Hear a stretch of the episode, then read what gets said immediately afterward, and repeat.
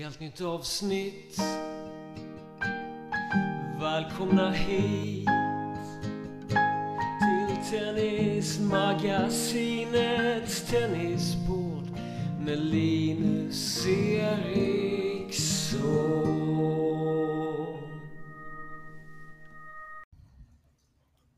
Eh, namn, Christian, eh, ålder, 36. Yrkesroll, Eh, klubbchef på Ullevi Tennisklubb.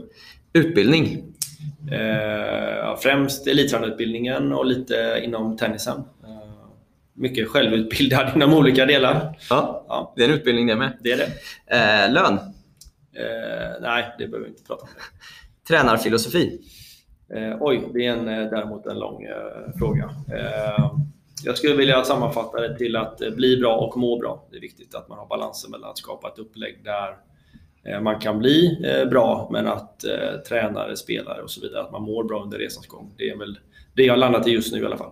mm. det ändras lite kanske ibland. Eh, hoppas inte att det kommer ändras. Inte mer nu? Det har förändrats. Okej. eh, film eller bok du hämtat inspiration ifrån? Eh, en bok som jag har hämtat väldigt mycket inspiration ifrån är The Talent Code eh, till exempel. Det var den som satte igång hela min resa med att skriva böcker och, och den biten. Så eh, den, eh, den, får man, den brukar jag rekommendera. Mm. Vi kommer tillbaka till dina böcker senare. Där. Eh, har du någon förebild som du sett upp mycket till? Många olika. Många olika. Eh, framförallt eh, de jag håller kontakten med kring eh, tennis och träning och utveckling. Eh, finns inte en specifik person så, men, men min idé är väl att ha lite mentorer på olika områden. Så att jag har många små mentorer inom olika områden Mm. som jag bollar saker med Okej. ganska regelbundet. Ja. Eh, har du någon liksom, eh, personlig målsättning i ditt yrkesliv? Eller någon, liksom, vart man vill, du vill nå och så vidare? Nej, nej inte liksom, inget sånt mål. Eh, Just nu är jag ju här på, på Ullevi och eh, trivs eh, som fisken i vattnet eh, varje dag. Och eh, det är ju ett stort mål att vara på ett ställe där jag, där jag brinner för, för liksom, eh, verksamheten och där jag, eh, ja, där jag trivs och, och kan göra nytta. Mm.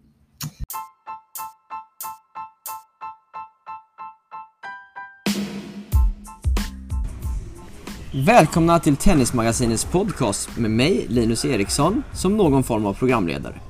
I det här avsnittet ska vi lära känna Ullevi Tennisklubbs Christian Persson. Christian har verkat i Ullevi i olika roller sedan han själv var jun- juniorspelare.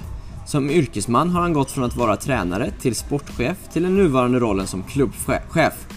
Christian har varit ansvarig tränare för Kajsa Henneman under alla hennes juniorår, skrivit två böcker, Skapa talang och Maxa din träning, gått elittränarutbildningen och både föreläser och håller i tränarutbildningar. I det här kunskapsfyllda avsnittet avhandlar vi bland annat vad en klubbs ansvar är i en spelarsatsning, hur Christian aldrig tränat säkerhet med Chris- eh, Kajsa Henneman, men hur hon ändå blivit en spelare som bygger sitt spel på just säkerhet.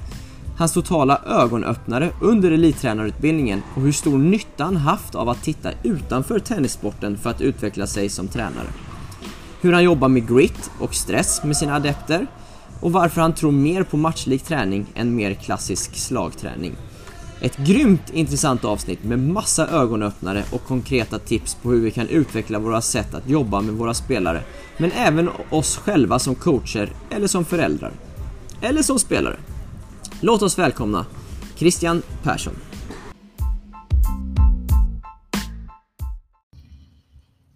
Då har jag glädjen att eh, hälsa Christian Persson välkommen till podcasten. Ja, tack så mycket. Eh, Christian, jag tänkte du ska få börja med att på un- ungefär en minut sammanfatta lite vem du är och hur du hamnat där du är idag. Mm. Det kan jag göra. Jag började spela tennis eh, när jag var liten, kanske runt åtta. Med pappa på en asfaltsbana i Bollebygd där jag är uppvuxen. Mm. Och sen så tjatade en kompis på mig att jag skulle hänga med och spela tennis i Sandareds TK. Så det började där och eh, sen så blev jag väl kanske inte direkt frälst men eh, ganska så snabbt. Eh, och så blev det ju bara mer och mer tennis. Mm. Så under hela min juniortid så, så tävlade jag mycket eh, och åkte runt med med pappa i bilen till alla tävlingar och spelade väl nästan varje helg. Det var det man gjorde. Och i samband med gymnasiet så kollade jag runt lite grann på olika alternativ. Och då fastnade jag för Katrinelund Mm. här i Göteborg. Eh, Så då var då jag började på Ullevi. Mm. Och ehm, ja, i samband med det så spelade jag, var lite skadad, började hoppa in som tränare. Jag tycker det var väldigt kul. Eh, och sen så, ja, så var det på den vägen jag började med, med att jobba med tennis. Eh, och då blev det väl ganska snabbt tävlingsgrupp, alltså tävlingsverksamhet, mycket tävlingsspelare och, och liksom tävlingsresor. Eh, det, jag brukar säga, och sen, sen jobbar jag ju på då, jag har jobbat i Ullevi mestadels, men även på lite andra grejer då. Lite små, små grejer vid sidan om. Men, men eh, då jobbar jag ju på på Ullevi och sen så alltså bestämde jag mig för att jag, liksom, ja, men jag vill satsa på detta. Och gick eh, eh, en utbildning som heter Elittränarutbildningen på Bosön i, i Stockholm.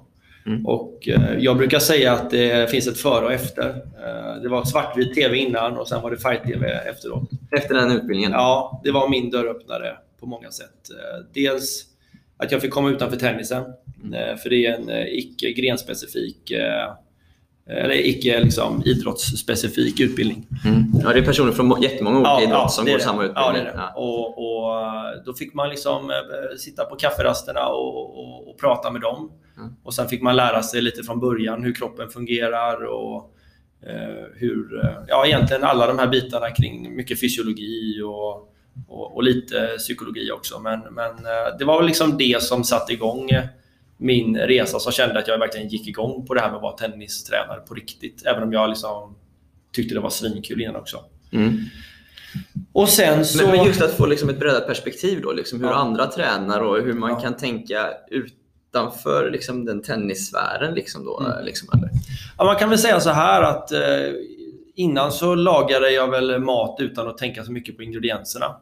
Eh, och efter utbildningen så har jag liksom fått lära mig mer om ingredienserna och förstod liksom lite grann hur man kan laga mat på olika sätt. Mm. Eh, så, så skulle jag vilja säga det. Att jag, liksom, jag gjorde väl mer som, innan utbildningen gjorde jag väl mer så som jag själv tränade. Jag liksom packade upp ryggsäcken och, och körde det som jag själv hade gått igenom. Mm. Eh, Men efteråt så började jag mer reflektera över ja, men vad händer om jag gör så här? Och, och, armen är så lång, vad innebär det? Ja, och, ja, lite på det viset. Då? Så att det, blev, eh, det blev lite explosion i, i, eh, i huvudet vad gäller liksom att eh, det var väldigt jobbigt ett tag. För man, man fick in mer än vad man kunde få ut. Så det var frustrerande liksom, att känna att man kände sig ganska dålig under lång tid. Att man, Men var du satt på kunskapen då efter utbildningen men du kunde inte applicera skulle- det i vardagen eller? Jag visste inte hur jag skulle omsätta det riktigt. För jag, jag har alltid tyckt om att jobba väldigt mycket med barn och ungdomar. Mm. Eh, och de är inte vuxna. Eh, och de är inte forskare. Eh, utan de är små barn som vill ha kul. Ja. Och hur kan man då hur kan man liksom göra någonting som är väldigt, väldigt bra och proffsigt, lekfullt och enkelt. Det, det, var lite, det, det, är som, det är väl det jag... Eh, om det finns eh, några grejer som jag brinner extra för så är det en, en grej som jag liksom naturligt tycker är väldigt kul. Att översätta eh, saker som kanske liksom, till en början blir lite mer avancerat till något enkelt för barn och ungdomar. Att Jag känns väldigt bra att jobba med barn och ungdomar. Det, Om, om det var så svårt där ut, efter utbildningen, eh, hur, hur liksom kom du underfund med att, hur du skulle göra sen? Då? träna. Träna på att träna. Nej, men jag, jag, vi kommer ju säkert komma in på, på Kajsa, men det blev ju en... en, eh, en eh, alltså det, blev, det, blev en resa i att utvecklas genom att implementera de olika sakerna och testa. Eh, Så, så det har ju varit min stora, vad ska man säga, min stora eh, personliga resa också. Att Ja. testa, hur funkar det om man gör så här? Och, Okej. eh, Så hon blev lite försökskanin? Ja, typ, det kan man eller? nog säga faktiskt. Men Ja. eh, å andra sidan så jobbar jag ju ännu mer i klubben. Ja. Men, men det blev eh, väldigt riktat mot henne, att jag ville liksom testa allting jag hade lärt mig. Och Okej. det var jag också ganska öppen med från början. Liksom, att, Ja. eh, jag har lite grejer som jag vill testa. Får vi se hur det blir. ja, det. Eh, Du, du sa där innan att du bestämde dig för att satsa på tränaryrket och då gick elittränarutbildningen.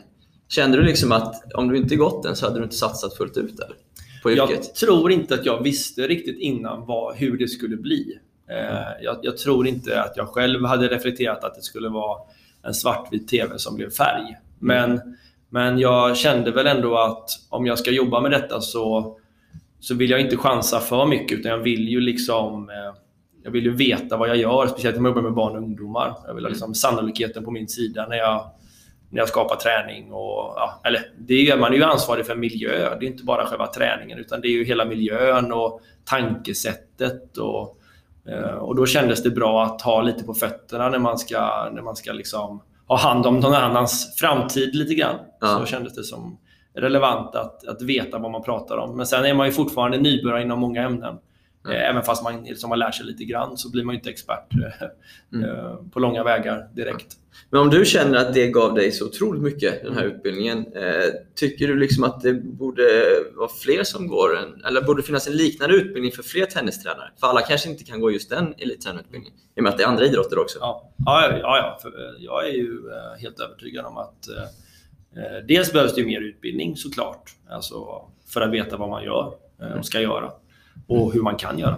Eh, men eh, sen var det ju otroligt nyttigt. Jag ringer ju fortfarande en hel del av de personerna idag. Det här var ju tio år sedan. Mm. Eh, jag har kontakt med många av dem. Och det är orientering, det är bowling, det är br- brottning, boxning, eh, golf.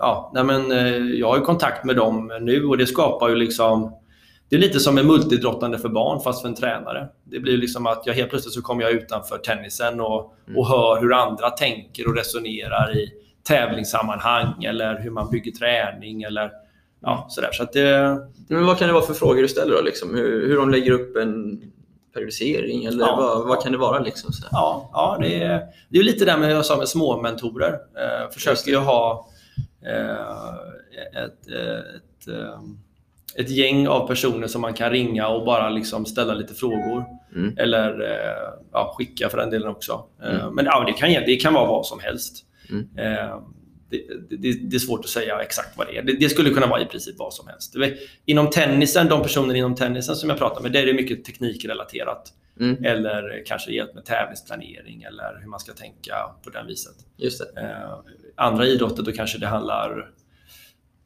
Ja, det, det är svårt att säga något specifikt. Mm. Eh, du, du har gjort en resa här på Ullevi också. Ja. Eh, liksom du började berätta att du, du var här som spelare gick, började som tränare. Eh, sen har du liksom gått vidare så småningom till att bli sportchef och nu är du klubbchef Mm. här också. Vad är det för skillnad på att vara sportchef och klubbchef på Ullevi? Jag ho- hoppas inte att det kommer vara för stor skillnad eftersom att eh, allt vi gör ska vara inriktat på tennis, liksom, tennisracket, tennisbollar, tennisspelare. Att eh, man ska trivas här som tennisspelare. Det är liksom allt vi gör, hela teamet, Mm. eh, varje dag. Det, så att i, i i det är det inte så, så stor skillnad att, att vi har samma fokus, alltså samma mål. Mm. Eh, däremot eh, så är det klart att framförallt nu i början, jag har bara jobbat tre månader då i den rollen, men, Mm. men det, det har varit lite annorlunda att sätta sig in i, i de bitarna som jag kanske inte hade så mycket inblick i tidigare. Vad kan det vara? Ja, men det kan vara ekonomi till exempel, eller Mm. vilka avtal klubben har, eller eh, ja, mycket sådana bitar. Men, Mm. men som sagt, alltså fokus, eh, fokus ska ju ligga på att vara en, en, liksom en grym miljö för tennisspelare. Mm. Eh, det, det är liksom det är det, Mm. det, är det som är fokus. I, i, titlarna liksom att gå från sport till klubbchef, så här, att, eh, betyder det att du kommer ha mindre med sporten att göra eh, till vardags? Om vi pratar dig personligen. Liksom. Ja, det blir det nog automatiskt lite grann. Men eh, när jag fick frågan om jag ville, liksom, om jag ville ta det ansvaret så, så hade vi ju en diskussion kring att det, jag vill inte släppa banan. Alltså jag vill inte bli någon som bara sitter och administrerar. Utan det, det är viktigt att liksom... eh, Ja, jag, jag älskar ju att vara på banan. Så att jag, det var liksom en förutsättning för att jag skulle tacka ja om jag säger så. Mm. Eh, Men sen självklart, det blir svårt att jobba 25-30 timmar eh, på banan och allt annat. Utan Mm. eh, nu i början så satte jag upp två dagar som, eh, som mål att vara på, på första säsongen. Då. Mm. Eh, Och det, det känns för liksom, kanske, kanske rimligt att mellan en och tre dagar i olika perioder. Mm. Och, då, ja, då, Okej. och, och vara mer som en vanlig tränare de dagarna. Ja, ja. Vi får se. Ja, vi får utveckla. Tre, tre månader är inte så lång tid. Mm. Det tar tid att sätta sig. Eh, men det är på Ullevi du har varit tränare i alla år, eller? Ja, mestadels är det det. Ja. Du tror inte det skulle vara utvecklande att byta miljö? För, för liksom att utvecklas och se hur det funkar på andra ställen och, och bygga upp verksamheter där och så vidare. Jo, absolut. Det tror jag. Eh, Det kan nog vara en negativ sak att vara kvar på samma ställe eh, liksom länge. Det kan finnas negativa. Men, men eh, jag jag tror att alltså, om inte miljön i sig ändras så kan man ju besöka andra miljöer och, och vara i andra miljöer. Mm. Och Det är det jag liksom har gjort eh, senaste tio år. har varit jättemycket ute.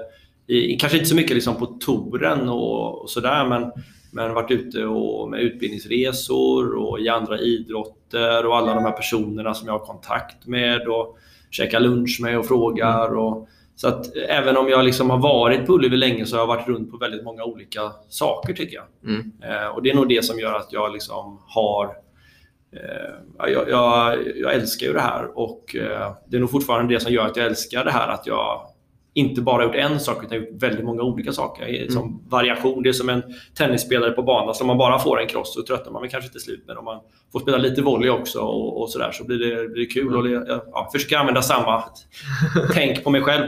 Ja, just det. Men när du säger att du älskar det här, är det, vad är det du älskar? Är det tennisen eller ledarskapet eller är det Ullevi som miljö? Ja, eller vad? Ullevi älskar jag. Eh, jag har svårt att slita mig härifrån mm. eftersom jag tycker det är jag trivs så jäkla bra varje dag och komma hit till jobbet. Det är svårt att ja, tänka sig en bättre arbetsplats med alla kollegor och eh, den stämningen vi har och, och sådär. Eh, men sen så eh, Vissa personer är väl smala i sitt, liksom, vad man verkligen brinner för.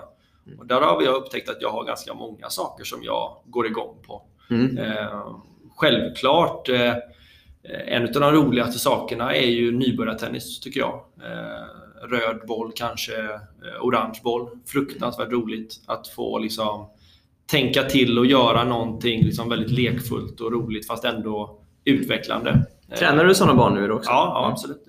Det, det är ju väldigt, väldigt kul. Mm. Det är väldigt kul att eh, försöka hjälpa någon som har kommit långt på vägen med små detaljer. Mm. Eh, det är, eh, det är väldigt kul med utbildning. Att mm. gå utbildning, att mm. hålla utbildning, mm. skapa utbildning. Eh, är väldigt roligt. Mm. Um, är det det som att, att du har många, liksom, många små bitar liksom du håller på med, som du säger, med att hålla utbildning, eh, du jobbar med unga spelare, lite äldre spelare, föreläser lite så här. Är det det som du tror att gör att du tycker allting är eller att du, du hittar motivation i dem, varje grej du gör. Att du har så många olika saker för dig. Liksom, så här.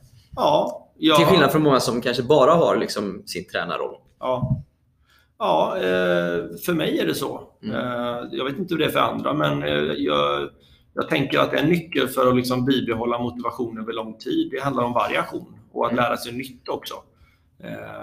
Det kanske vi kommer komma in på i någon annan ja. fråga, inte vet ja. jag, men, men det är väl, jag, jag, tycker man kan tänka mycket som, som tennisspelaren på plan. Liksom, att man behöver eh, lära sig lite nya saker för att få kickar och man behöver variera träningen för att, liksom, ja, för att, för att tycka det är kul vecka ut och vecka in. Och det, det tror jag många mår bra av. Att besöka andra tränare, andra miljöer eh, och, och, och liksom, eh, titta hur, hur jobbar ni här och ja, mm. hämta inspiration och Just det. Mm. Eh, ihop med, eh, med GLTK får väl Ullevi anses vara den kanske största klubben i, i Göteborg. Eh, på, på Lund är väl ganska stor också. Eh, Verkligen. Men, men, skulle du säga att liksom, du som varit här länge, har, jag tycker att Ullevi har producerat en rimlig mängd eh, tävlingsspelare på en hög nivå under alla åren här? Eller vad kan man förvänta sig? Ja, det är en ganska bra fråga. Vad kan man förvänta sig egentligen? Eh, jag kan väl tycka att så som vi fokuserar idag mm. så tycker jag att vi har ett bra och sunt fokus när det kommer till liksom en hel klubb. Att vi, vi har verksamhet för många olika eh, målgrupper om man säger, va? alltså vuxna och barn och nybörjare och lite mer elit och sådär. När det kommer till liksom, eh, vad man kan förvänta sig så nu ställer du frågan liksom vad man kan förvänta sig att få fram av tävlingsspelare. Ja. Uh, och då kan man säga det ena man kan förvänta sig av en klubb tycker jag, det är ju att man tar hand om sina medlemmar och liksom jobbar mm. med hela klubben. Mm. Uh, och sen så kan man väl säga att vad, uh, vad är en rimlig mängd? Om Ullevi är en av de största så borde vi också vara en av de som har flest spelare liksom, i RM lite längre fram och, och sådär. Mm. Det, det, har vi väl haft. Mm. Och, och, men det har varierat över tid. Det, blir lite, det går ju i i olika lite, det går i vågor med Mm. åldersgrupper. Det vet kanske du själv hur Ja. det kan vara. Att, eh, nu har vi ett gäng här, ett, ett 05-gäng som är, de är så många så att det är, inte hur många de är, men de är många. Ja. Och alla är grymma och, och eh, trevliga och duktiga. Och, och då, de har ju varit i klubben länge, en del av dem. Så det, då har vi fått fram många, men vissa år har det varit lite färre. Mm. Så nu kör jag omväg här på frågan. Ja, du, du duckar den lite känner jag. Ja, eh, ja, jag skulle säga nej, man kan förvänta sig mer då, säger jag. Om man ska Okej. bara säga kort. Man kan förvänta sig väldigt mycket av oss. Ja, Eh, och jag tycker att där finns det mer att hämta. okej. Vad, vad skulle du säga är en klubbs ansvar i en spelarsatsning då? Eh, det beror lite grann på vilken ålder, Mm. tänker jag. Eh, och spelnivå. Ja. Eh, Om vi pratar tävlingsspelare så tänker jag att upp, det beror väldigt mycket på personen i fråga också. Men jag tänker att klubben ska vara basen. Mm. Och för att liksom tänka enkelt så kan jag väl ja, under 10 år, där är liksom klubben verkligen ja, nästan 100% av din totala miljö. Mm. Sen brukar jag rita upp det lite grann som att eh, om man tänker sig en, eh, en, eh, en kvadrat och så kanske man drar ett, liksom ett streck eh, rakt igenom. Och så tänker man sig att man, eller ja, från ena hörnet till det andra, Mm. så tänker man sig att bot, basen, liksom, eller när man är 11, Mm. då fortsätter det klubben att vara en stor del. Mm. Men sen, jag vet inte om det var tydligt, men, men i alla fall, ju äldre, ju äldre man blir, Ja. desto mindre del blir kanske klubben. Speciellt om man är på landslagsnivå, och så här, då kanske det är landslagsresor, man, man tävlar mycket internationellt och då är inte basen på samma sätt liksom klubben. Okej. Eh, Så, så, så tänker jag. Så fram till liksom en landslagsnivå så, ska klubben kunna ta ett stort ansvar? Och ja, sen un- så- Under 14 tycker jag klubben är liksom... Eh, klubben ska vara nästan allt. Eh, Okej. Men, men det är svårt för en klubb att göra allt. Jag vet inte, man kan ha en enkel tankemodell med hälften hälften. Mm. Eh, att, att, eh, man kan väl tänka sig så här att eh, i det stora hela kan man tänka sig att hälften av all träning ska vara tennis och hälften ska vara fys. Okej. Så kan man tänka sig. Sen kan man tänka sig att hälften av all, eh, trän, eh, hälften av all tennis Mm. ska vara träning och hälften ska vara tävling. Okej. Och Sen skulle man kunna tänka sig också att hälften av allting du gör som är med din tennis sker i klubben och Mm. hälften sker utanför. Om man ska ha liksom något enkelt sätt att tänka Mm. så, så kanske det är liksom så man får tänka när man blir lite äldre. Mm. Eh, Är det så det har varit för Kajsa? Om vi tänker hennes satsning. Liksom. man, det man ska tänka med, med henne är väl att eh, jag har ju jobbat på Ullevi, så det är svårt att dra gränsen. Vad är Ullevi och, och vad är, vad är liksom bara jag? Mm. Men, men eh, Men skulle du säga att hon är en produkt av Ullevis upplägg och system? Eller är hon en, mer Till- liksom till 50-50? nej, jag skulle vilja säga att eh, till, hon har ju tränat mer i klubbens regi än vad hon tränat i något, något annat.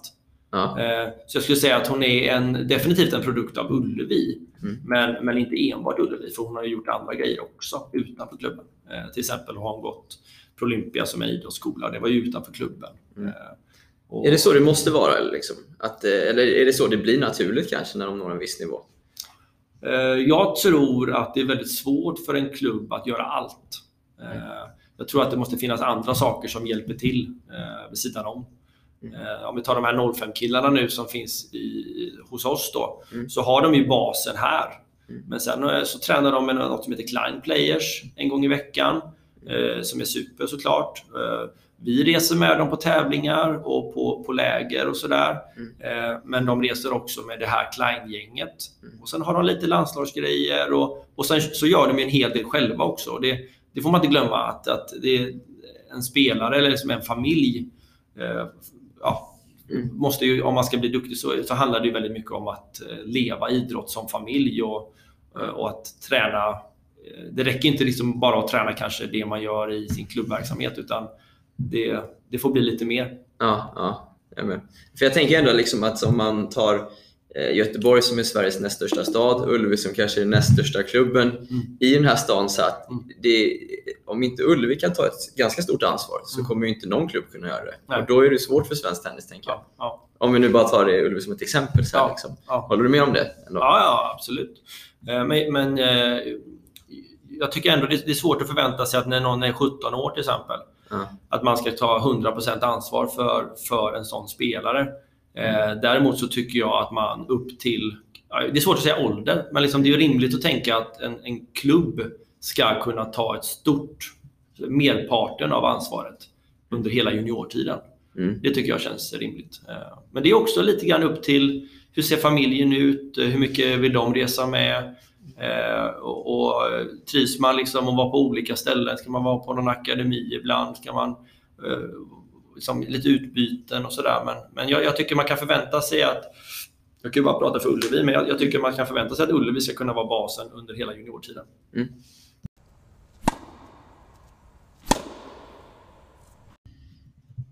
Vi har redan kommit in lite på eh, Kajsa Henneman här då, eh, som eh, hade en eh, väldigt framgångsrik juniortid får man ändå säga.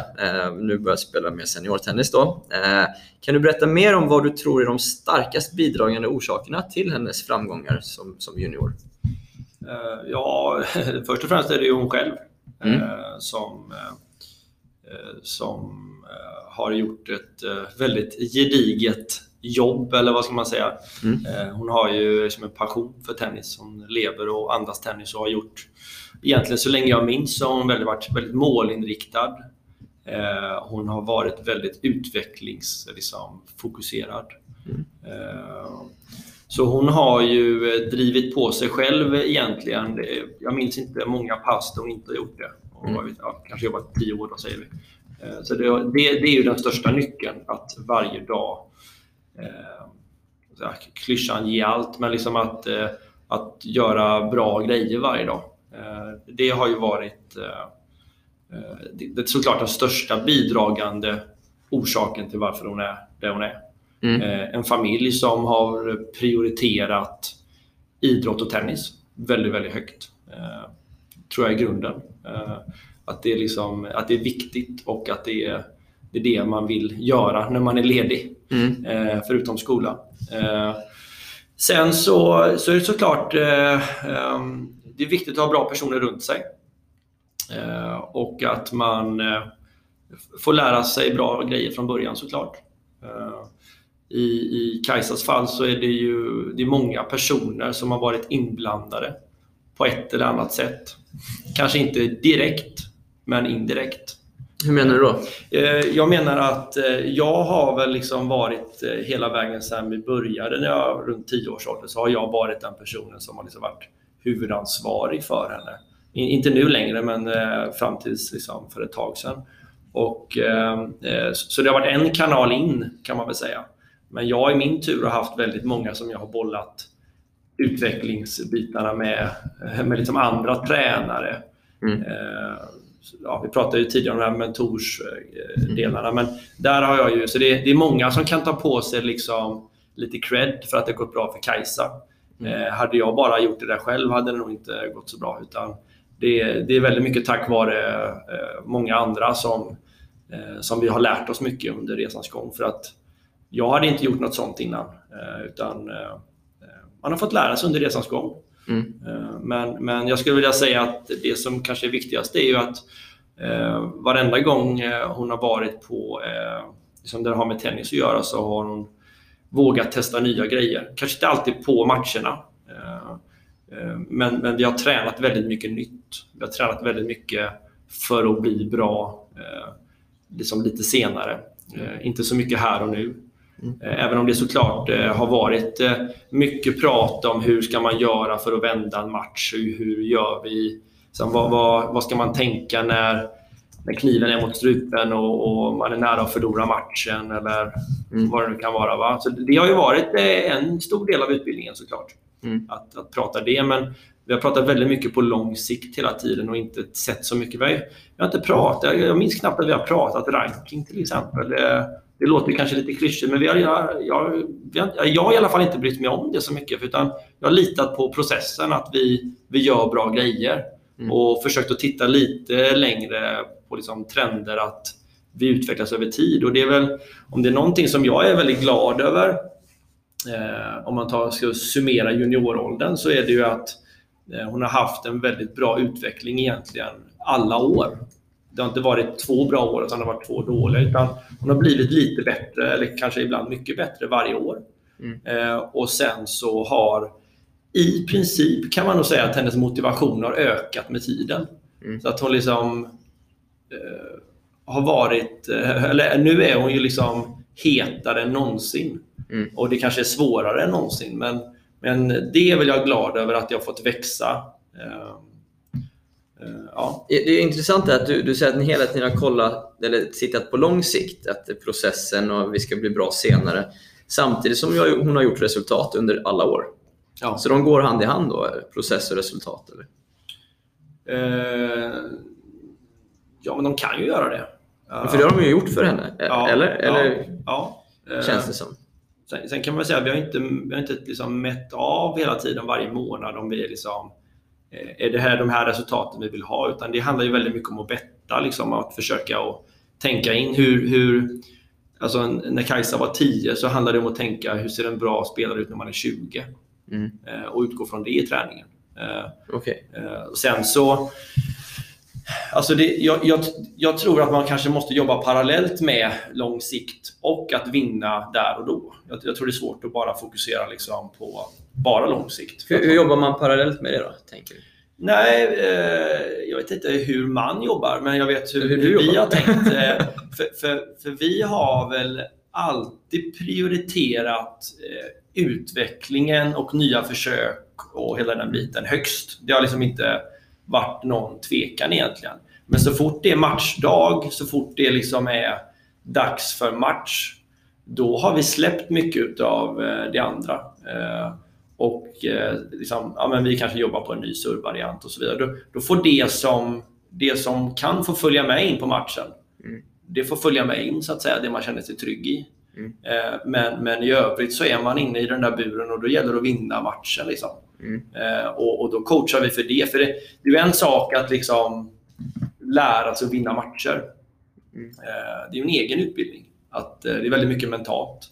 Hur man hanterar stress och hur hanterar man sina känslor och eh, ja, fokus kanske, hur det skiftar under en match. Vad, ibland kanske fokus går mot att jag får inte förlora Mm. och samtidigt så måste du försöka slå bollen på bra ställen. Så det har ju varit, liksom, kan, ja, man kan nästan säga att det har varit två parallella spår. Mm. Eh, och det har jag också varit väldigt tillåtande med att eh, hon får bestämma sin taktik själv till exempel. Det Okej. kan man ju säga ibland kanske är lite sämre på kort sikt. Mm. Men det skapar ju en... Jag, jag vill ju ha en tänkande spelare Mm. som kan ta egna bra beslut. Eh, snarare än att jag ska liksom... Målet har hela tiden varit att jag inte ska behövas. Ja. Det, det, det har varit eh, mitt mål från början. Att inte det är jag som ska behöva stå på matchen där och ge ett råd för att det ska bli bra. Utan att hon ska vara bra på det själv. Eh, så... För jag tänker så här, ofta är det ju liksom, man, eller jag hör ju ofta att man, man pratar om att man vill jobba långsiktigt och en process och så vidare. Men, men att för, för spe, spelaren där och då som ändå liksom på något sätt gillar att tävla Mm. eh, vill ju ändå vinna sina matcher. Ja. Men då pratar du om att det ändå funnits två spår, att man har liksom också haft det här lite matchfokuset. Att ja, är det match så då ska vi, det är en läroprocess att kunna vinna matcher också. ja, Att det har blivit bo, ändå både och lite Ja, grann. verkligen. verkligen. Inte, inte det kommer sen. Absolut inte. Eh, att liksom, eh, det gör ingenting alltså, att det går. Alltså, utan hela tiden bara försöka krama ur det bästa. Mm. Men, men också ha respekt för att vissa saker tar väldigt... Det, är väl det jag har lärt mig, att det tar väldigt lång tid. Man måste ha tålamod. Mm. Eh, det är det som blir på lång sikt. För att det handlar ju inte om att man inte... Man vill ju ha resultat på en minut. Gör man en övning så vill du ha resultat på egentligen en repetition. Det är ju alltid målet. Eh, att skapa så effektivt som möjligt så att du känner att ja, där är vi på rätt väg. Mm. Och sen så stegra upp då, eller vad du har för metodik. Men, så det är ju alltid målet. Men, men eh, jag kan nog tänka att de flesta som har jobbat med tävlingstennis vet att sen finns det ju liksom en person som går in på banan. I vissa situationer kanske man är feg. eh, I andra situationer kanske man är modig. Eh, Och Det spelar ju väldigt mycket in på vad man kan få ut på matchen. Så det handlar ju också om att ja, man måste ju förstå att, ja, vad ska man säga?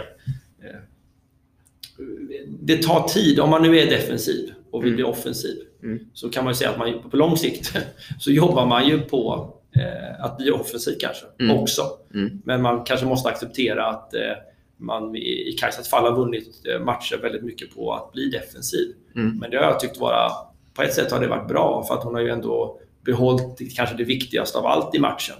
Och det är ju att aldrig ge upp, aldrig vika sig, utan alltid vara som eh, vara en bra version av sig själv när matchen ska avgöras. Mm. Eh, det, det har liksom, så jag vet inte hur jag, hur jag lyckas svara på det där. Men... Eh, du, du nämnde tidigare att två av de kanske största egenskaperna hos henne har varit att hon är målinriktad och utvecklingsfokuserad då, som du pratade om. Ja. Är det något som liksom hon har haft sedan hon började liksom med tennis? Eller är det något som du tror att ert arbete har hjälpt till att eh, skapa hos henne? Det är klart att man gärna vill tro att eh, det jag har sagt och det vi har gjort eh, har eh, gett så mycket resultat som möjligt. Jag, tror det är en balans. Jag tror det är en balansgång mellan ja, personligheten, eh, lite som, alltså, som man är, som man har formats fram tills man har börjat. Ja. Eh, sen hur man formas under perioden när man tränar, familjen, hur man pratar kring olika bitar. Eh, Har du coachat familjen i det? Eller hur, Ja, men när vi, när vi började eh, så, så var det ju liksom, eh, då satt vi ner all, allihopa eh, för att få ett gemensamt språk och för att få en gemensam filosofi. Och, så det har väl alltid varit, i alla fall de yngre junioråldrarna, har det varit en, en viktig bit. Mm. Så, men, men, ja, men vissa saker såklart har hon ju haft med sig. Mm. Eh, Men, men eh, man skulle säga så här att hon har ju alltid varit väldigt, väldigt bra på att kämpa och inte ge sig. Mm. Eh, Det, det har jag sett hos henne hela tiden. Det har Mm. varit hennes, liksom, det jag vet inte om det är medfött, men jag jag vet att många i, i den familjen är lite sådär att man ger sig banne mig inte. Mm. Eh, Och det är klart att det är en kultur i familjen. Eh, Det är viktigt. Eh, Men, men jag har ju också sett att väldigt få saker har varit enkla i början. Mm. Varenda grej vi har jobbat med har tagit tid. Mm. Men, men eh, det som hon har sett till det är ju att jag ska banne mig lära mig det till Mm. slut. Eh, Det, det är ju det som har liksom, ja, hon, hon gör det tills det sitter. Mm. Eh, Ja, jag förstår. Ja. Eh, jag, jag, vad jag vill minnas så, så har jo, med, med Kajsa och den kullen i alla fall, jag vet inte om du gör det fortfarande, så arbetade ni med någon form av läxsystem där, de, där de fick eh, jobba kanske även på egen hand med en del bitar. Kan du berätta lite mer om det? Nej, men eh, man kan väl säga att det bottnar ju i att eh, även om man... Eh, jag, jag tror på allsidighet. Mm. Två nyckelord är variation och nytt. Eh, vi kanske kommer in på det senare. Men, eh, för att skapa variation, även om man håller på mycket med tennis, så, så satte vi upp, vi kallar det för läxsystem, man kan kalla det vad man vill. Läxor kan Ja, nu var det jag som sa läxsystem, det kanske var något annat. Det kan vara lite tråkig ton så kanske, men, men det var ju läxor. Ja. Eh, och, och det det egentligen var, det var ju liksom personliga utmaningar Mm. inom olika områden. Eh, så förde, hon, hon hade en träningsdagbok med utmaningar. Okej. Eh, där eh, det fanns liksom, och det, det var ju väldigt processinriktat, för det var liksom en av de första grejerna som jag eh, började med tidigt, det var det här processfokuset då. Eh, så att hela tiden, varje träning, varje moment egentligen veta men vad är det jag ska jobba på och hur ska jag göra det. Mm. Eh, så då satte vi upp veckovisa mål då för eh, det kunde vara jag som satte upp mål, det kunde vara, vara hon. Mm. Satte upp mål för sin teknik och för sin taktik och för sin fysik. Mentalt och, om jag minns rätt även personligt, eller så var det ihop. Mm. Men det kunde vara att man, eh, det kan vara att man är på en tävling och att man ska gå fram och anmäla sig och prata engelska. Det kunde Okej. vara på personligt då till exempel. Eller så Ja. kunde det vara lär dig eh, en dans. Det Ja. kunde vara på fy- fysiken. Eller på, eh, på taktiken kanske det var speluppfattning. Titta på tennis och stoppa varje gång någon slår till bollen. Försök att se vart ska de slå bollen. Okej. Eh, och, och tekniken var det väldigt mycket. Vi filmade väldigt mycket. Eh, varje träning filmade jag och så la vi upp det på en gemensam Dropbox. Okej. Eh, och det kunde även, vi, vi ha- hade, jag, minns jag satt och liksom, eh, eh, klippte ihop väldigt mycket från spelare så att det fanns liksom målbild i hur det skulle se ut. Eh, så det, så det, det var liksom högt och lågt eh, inom alla de här bitarna. Och tanken var att det skulle ge en timme extra utöver allt annat. Så det här skulle ta en, maximalt en timme per vecka. Det fick Mm. ta mer. Ja. Men, men en timme då och ungefär en kvart, eh, tio minuter, en kvart på varje del. Då. Och vilken effekt upplevde du att det gav?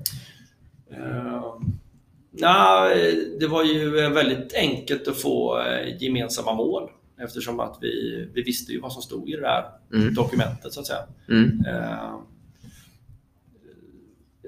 Ja, hon är ju väldigt processinriktad. Så jag, Men var det bara med henne du gjorde det? Eller var det med nej, det, var, det var flera, det var det. Ja. Vi, hade, vi delade upp, det, blev, ja, det var nog jag som började med det. Ja. Så, men, men eh, det var ju flera spelare i klubben som körde det. Ja. Eh, och då Gjorde alla det? Vi, vi kallar det för mentorskap. Kallar Okej. vi det för. Eh, och det var lyckat på ett sätt. Mm. På så vis att det blev ju väldigt en bra relation. Man får inte glömma av att kanske det viktigaste av allt är ju en relation. Mm. Att man liksom förstår varandra och litar på varandra. Och så där. Man bygger ju upp det genom att prata mycket och, Mm. och liksom så. Va? Eh, så, så det blev ju väldigt lyckat att eh, alla tränare hade några spelare som de liksom hade lite extra koll på. Det blev bra, men det blev lite så här att ja, men, eh, han är min tränare. Och, ja, Okej. Så att det blev liksom lite en, eh, inte en klubb i klubben, men, men åt det hållet. Lite grupperingar? Ja, det- det blev inte lyckat. Så vi har ju valt att inte köra så nu. Okej. Eh, även om jag tror att vissa delar i det är bra. Ja. Eh, det här med, med de här utmaningarna och att eh, alltid ha någonting att jobba på. Det, det tror jag väldigt mycket på. Men, Mm. men däremot så tror jag det, man, man ska passa sig för att dela in ett team i team. Mm. Okej. Vi, vi har pratat lite här om liksom ert arbete här i klubben. Då. Hur, hur har ni tänkt kring det utanför hallens gränser? Hur mycket har du varit med henne på tävlingar? Hur mycket har ni haft, hon har haft ledare med sig och så vidare när hon har varit iväg? eh, wow. Och vad tror du om dem? Eller vad tänker du om de bitarna? Ja, eh, nej, men eh, det har väl varit, jag, jag, jag minns inte exakt hur mycket det har varit utan merparten i klubben såklart. Alltså eh, tre, fyra, fem dagar i veckan eh, Ja. träning. Och det har det ju alltid varit. Mm. Och sen så ett tag körde vi lite extra på helger, någon helg här och där. Mm. Inte, inga enorma mängder, men lite, lite extra här och där. Mm. Och eh, eh, sen så var det även då när hon gick där på Olympia. Mm. Så körde jag ju med eh, på morgonen där då. Det var hon och hennes syster då. Okej. Eh, Så det har inte varit eh, väldigt sällan jag själv med Kajsa utan ofta med, med någon mer eller, eller med Ebba då, systern. Okej. Eh, Så, Har det varit liksom en tanke med det? Att du inte, liksom att du inte vill ha enbart Kajsa på banan? Eller har det bara blivit så?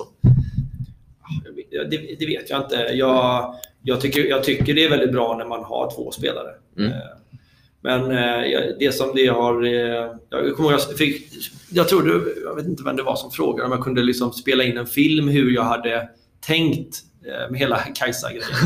eh, och, eh, och då vet jag att jag satt och funderade igenom här, vad, vad är det vi har gjort egentligen. Och, sådär. eh, och det som... Eh, det som kanske är det viktigaste är ju att vi har, vi har träffats eh, väldigt, väldigt mycket.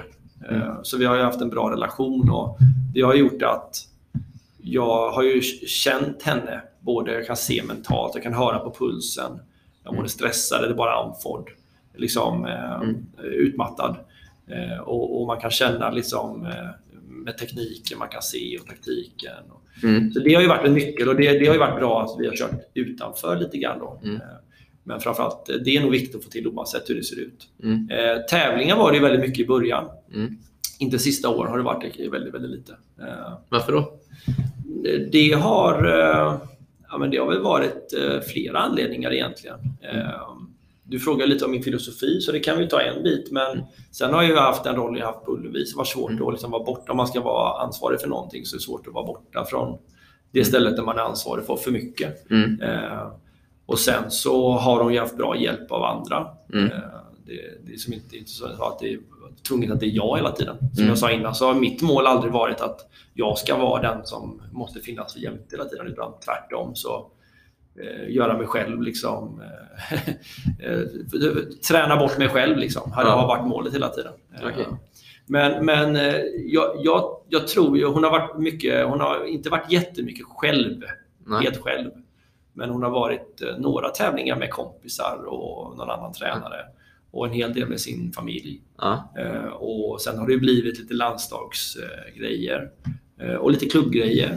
Mm. Och inte så mycket att bara jag har varit med henne. Det, Okej. det är inte många. Jag vet det är inte många. Ja, ja okej. Eh, för du, du, eh, min uppfattning i alla fall är att du tror mycket på att spelarna ska ta, ska ta ett stort eget ansvar. Ja, Tänker du då att det inte är så viktigt att alltid vara med på tävlingar? ja, jag, ja jag tycker det. Eh, Men jag, jag vet ju att det är många andra som tycker tvärtom. Ja, så Eh. förklara lite hur du tänker kring det. Nej, jag men- tänker till exempel tvärtom. Ja, ja, ja det är bra. Eh, nej, men eh, jag, eh, jag, jag tycker det är så viktigt att det är spelaren som sitter på kunskapen och att den är stark i sig själv. Eh, vi har pratat väldigt mycket om det här med liksom, eh, att inte jag ska vara någon snuttefilt utan hon ska vara stark i sig själv på matcherna. Så vi har alltid haft väldigt lite kontakt. Eh, hon tittar nästan aldrig, inte så mycket på mig när vi spelar match, eller om jag sitter jämte. Och, så, utan jag, jag, och det är medvetet att jag vill att hon ska vara stark i sig själv och att hon ska bli duktig på att hitta lösningarna. Mm. Eh, så så eh, det är väl liksom grunden och, och hur blir man stark i sig själv? Mm. Ja, det är ju att få vara själv i de situationerna också. Eh, inte hela tiden, men, men eh, jag tror när man utvecklas eh, som, eh, som spelare så måste man ju få skapa sin egen taktik till exempel. Testa den och så se vad funkar, vad funkar inte. Mm. Eh, om man hela tiden har någon som berättar eh, vad det är jag ska göra så, så tycker jag att tappar kreativiteten och förmågan att, att själv se vad är en bra lösning utifrån den, liksom den situationen jag är i. Mm. Eh, tennis handlar ju väldigt mycket om det trots allt eftersom att det är fritt fram att spela hur du vill. Du kan byta när du vill strategi för att vinna matchen. Du kan ju gå från att slå hårt till att slå löst på en, ett slag egentligen och så förändrar du kanske en matchbild. Mm. Eh, Så, så eh, det eh, har väl liksom... Jag tycker att... Men sen såklart om man, eh, i, om man är 20 år och har ekonomiska möjligheter så, så kanske det är bra att vara med väldigt mycket. Eh, eh, Ungefär som Mattias kommer vara för, för henne nu. Mm. Men, men ett utbildnings... så har jag stretat emot ganska mycket där för att jag tycker att jag vill ha en tänkande spelare. Jag vill liksom inte att jag ska berätta taktik och så, utan det ska spelaren själv komma på, tycker jag. Men bara för att du är med vid matchen så betyder det inte att du nödvändigtvis behöver tala om för henne en taktik heller. Nej. Du kan ju se vad som händer Ja. som ett verktyg för vad ni ska jobba med sen. Ja. Men jag, jag tänker att jag inte behöver se varje match för att se hur det Känner man en spelare bra så kan man nästan liksom på ett sms ibland veta mentalt. Mm. Eh, och man kan kommunicera. Det är mycket så vi har kommunicerat. Hur liksom, Mm. hur, vilket djur var du idag? Liksom? Var du en mus? Eller var du, liksom, för att liksom definiera olika saker. Hur kände du dig som en tiger på banan? Eller liksom. Ja. Så mycket sånt har vi ju liksom haft kontakt efter matcher. Eh, för att liksom hitta, ja, hitta rätt inställning eller vad det kan vara. Ja. Eh, men sen så är det självklart viktigt att se hur spelet ser ut. Mm. Eh, både då eh, liksom här i Göteborg eller Sverige och även på lite större eh, arenor. Eh, för det, det, som, det som kommer där, som kanske inte kommer här på samma sätt, det kan vara en annan stress till exempel. Det. Hur ser spelet ut när du är väldigt stressad? Ja. Eh, är med. så att, eh, men ja. Det, det låter som att mycket har byggt kring att ha en tät, tajt rela, eller liksom relation och Ja. känna spelaren. Ja. Och det, jag kan tänka mig att det kräver ett otroligt stort jobb under många år för att skapa en sån relation och få, få fram en spelare på den här nivån. Mm. Eh, skulle du liksom... Eh, det går ju nästan bara att göra med en spelare åt gången, eller? Jag tänker i en klubbmiljö där man har hand om egentligen en stor tävlingsgrupp. För mycket jobb har ju varit, som du säger, liksom, har det varit lite helger här och man skapar en dialog med sms här och där. Det är otroligt mycket jobb med att ta fram en spelare så. Ja, det finns, det finns ju säkert fler sätt att göra det på än liksom det här. Eh, det låter ju väldigt mycket som att jag har jobbat en till en och det har det ju väldigt sällan varit. Det har ju alltid varit i grupper. Men däremot så har det ju varit väldigt mycket tid tillsammans. Ja. Eh, Det, det tror jag ju är liksom eh, det är jätteviktigt men eh, jag, jag, jag vet inte riktigt eh, om jag ska vara helt ärlig. Nej. Jag, jag tror att det går på flera sätt. Eh, Men, men relation är viktigt. Ja. Sista, sista frågan här med Kajsa. Om, om du fick göra om den här satsningen Ja. eh, med henne från säg 10 års ålder. Mm. Vad, vad skulle du ha gjort eh, annorlunda eller vad tycker du att ni lyckats väldigt bra med också? Båda delarna. Eh, jag kan väl säga så här att jag tycker att vi har gjort väldigt mycket bra saker. Mm. Det innebär inte att vi har gjort samma sak varje år, utan vi har liksom utvecklats eh, tillsammans. Mm. Och eh, vi har vågat testa nya grejer. Eh, vi har tagit hjälp av väldigt många Jag vet att Damien var med i podden. Damien är ju superviktig för Kajsa. Mm. Eh, Jag har inte gjort en enda teknikändring utan att prata med Damien till exempel. Så det är ju, Mm. det var I början kanske jag gjorde någonting, men sen är det Damien. Jag har haft kontakt med, med han som jag skriver eh, böcker ihop med, Mm. Peter. Eh, han har, jag vet inte om han och Kajsa har träffats någon gång, kanske en gång. Men han har jag bollat hundratals timmar, liksom, metodik. Eh, eh, hur ska man göra under... Eh, så att just det här, Enneberg har varit med mycket. Och, just att, att, jag tagit hjälp av andra har varit bra, tror jag. Jag tror inte, jag tror inte att jag själv hade liksom kunnat lära mig alla de där bitarna. Utan det, det är bra att det har funnits många. Mm. Så, så det finns ju många grejer vi har gjort bra, som har funkat bra. Och, och det finns såklart vissa saker som man kanske hade gjort om. Gjort annorlunda. Eh, till exempel så hade jag ett tag där jag kastade väldigt mycket boll. Mm. Eh, kasta mycket boll nära spelaren. Stod i en, två, tre, fyra meter. Ja. Eh, Och eh, det tror jag jag skulle ha bytt ut mot minitennis och sådana bitar istället. Okej. Eh, Jag hade nog jobbat, jag, jag, jag började med att jobba väldigt explicit, alltså väldigt vad ska man säga, förklarande kring teknikbitar och rytm, eh, form Mm. i framförallt teknik och sådär. Det hade jag bytt ut mot mer implicit eh, idag. Mm. Alltså, det vill säga skapat situationer där man har behövt lära sig det genom att klara situationen.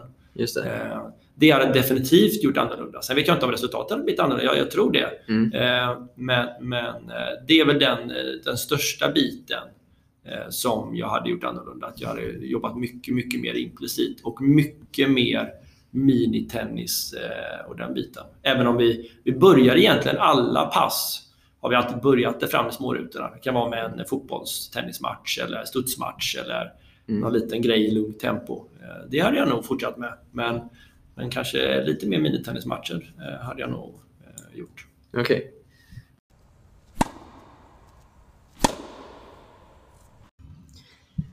Christian, vi kommer byta spår lite grann här. Eh, du har skrivit två böcker ihop med Peter Svensson. Eh, Skapa talang, Skapa talang 2.0 har kommit ut också och Maxa din träning. Eh, vem är Peter och hur kom tanken upp om att skriva de här böckerna? Eh, Jag och Peter vi träffades på eh, elittränarutbildningen eh, som vi gick snart tio år sedan. Och eh, Peter eh, var väl till en början en kurskamrat men har numera blivit en god vän istället Mm. och eh, en kollega också. Vi, vi gick ju den här utbildningen tillsammans och satt på alla kafferaster och, och gick alla de här utbildningarna eller kurserna. Mm. När vi var klara, eller också lite grann under resans gång, så kände vi väl att det var en grym utbildning. Men vi saknade, det var väldigt mycket fysiologi. Man fick lära sig in i minsta detalj om hur kroppen funkar. Men kanske inte så mycket psykologi. Och eh, eh, helhetstänket kring liksom talang, eh, talangutveckling. Mm. Vad är det för någonting egentligen? Eh, och eh, ännu mer inriktat på liksom, om man vill bli riktigt, riktigt bra. Mm. Hur ska man göra då? Hur ser riktigt, riktigt bra träning ut? Mm. Så det var, det var så vi började med att eh, eh, göra materialet. Jag, jag minns fortfarande hur vi satte oss vid ett jättestort whiteboard och började skissa på liksom vad vi trodde, ja, men vad är det vi vill veta för någonting? Ja, och det, det, det bottnar ju väldigt mycket i liksom, om, man vill, om man vill skapa riktigt bra träning. Mm. eh, Hur, hur gör man det? Liksom en bra miljö och bra träning. Så det var så vi började bygga materialet tillsammans. Och så vi höll på väl i sex år ungefär och läste. Eh, Peter är forskare eh, också och tränare såklart. Men eh, så vi gick igenom tusentals studier och läste in oss på massa olika ämnen då. Ja. För att målet var att, som vi sa, det ska vara lätt att göra rätt. Eh, det var liksom hela, vi ska liksom, eh, vi har ju båda tränarbakgrund. Eh, Peter forskarbakgrund. Och hur kan vi liksom, det, det handlade egentligen mest om att ta fram vår egen bibel. Mm. Liksom, vår filosofi, vad vi tror på. Det, det är ju så det handlar om liksom, när man läser forskning. Alltihopa. Man får, det, är, sannolikhet för att saker och ting är som de är. Ja. Eh, och, och, eh, det var väl så vi började egentligen. Och sen har det ju växt och blivit mer och mer. Eh, men men eh, i, i grund och botten handlar det om att liksom, inte behöva chansa så mycket utan få enkla verktyg för att ja, kunna göra riktigt bra träning. Okej. Mm. Ehm, det är lång tid för att skriva en bok alltså. Se, sex Ja, år. tar lång tid. Shit, alltså. Eh, jag tänkte fråga om några av de här ämnena som tas upp i, i framförallt kanske Skapa Talang då. Mm. Eh, och lite hur du jobbar med det här med dina spelare. Mm. Det är kanske inte alltid superlätt att svara på, men vi gör ett försök i alla fall. Eh, om vi börjar med grit, som är ett, liksom, ganska ett, ett uttryck som man har hört en del ändå eh, sista åren. Hur, vad tänker du kring det och hur jobbar du med det dagligen med, med dina adepter? Nej, men om man säger så här, bara för att få en enkel definition på grit så handlar det lite om kämpaglöd kan man säga. Va? Att Mm. aldrig ge upp, fortsätta, fortsätta även om det dyker upp problem. Eh, fortsätta mot det långsiktiga målet. Eh, uppfinnaren som aldrig ger upp. Eh, Mm. pannben i, i backen och ja, du vet hela den Mm. eh, biten. Så det, det är ju, eh, man kan väl säga så här att eh, en av frågeställningarna var ju, när vi började med böckerna, var ju eh, vad, vad finns det för olika bitar? Men det andra är vad är träningsbart? Vad, är, vad, är liksom, vad, får man, eh, vad får man med sig och vad kan man utveckla? Så, så grit är väl en sån grej som eh, jag, jag tänker att eh, många, inklusive jag själv också, kanske sorterade in lite mer tidigare. Att ja, men vissa är en kämpe och vissa inte. Mm. Så det det handlar om egentligen, det handlar om att förstå eh, att det här med att, eh, att, att vara en kämpe, att ha pannben och så vidare, att det är något du kan träna dig till. Mm. Eh, och, och, eh, så det är väl första grejen med många av de bitarna som finns i böckerna, men även den här då att eh, jag minns vi pratade med Johan Olsson, för jag har intervjuat lite kända svenska profiler också, Johan Olsson skidåkaren. Och han menar väl på liksom att ja, men det här med pannben, det var inget jag hade från början, utan det har jag tränat mig till. Mm. Så att, det är väl lite kort om grit då. Mm. Eh, och hur tränar man det? Och jag brukar liksom tänka att eh, första delen handlar ju om information. Att, liksom, att bara börja prata om det. Att öppna upp dörren och förstå vad det är. Förstå att ja, men jag kan också bli en kämpe. Eh, Så det är väl det första man kan göra med spelarna och förklara att det är träningsbart och vi kan träna på det. Mm. Eh, och, och sen rent att träna på det brukar jag tänka som i gymmet. Man får börja med ett kilo kanske och sen två och sen tre och sen fyra. Så istället för att börja med att eh, ställa en eh, tioåring inför ett berg och liksom, nu ska vi kämpa och springa upp. Så, så börja med en kulle.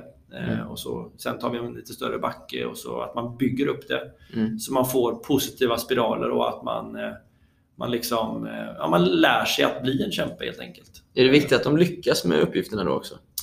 Eller den här, Ja. den här kullen, han Ja, måste men- klara att springa Ja, men det är lite grann det som är grejen med kullen. Det är att du måste ju också känna att du...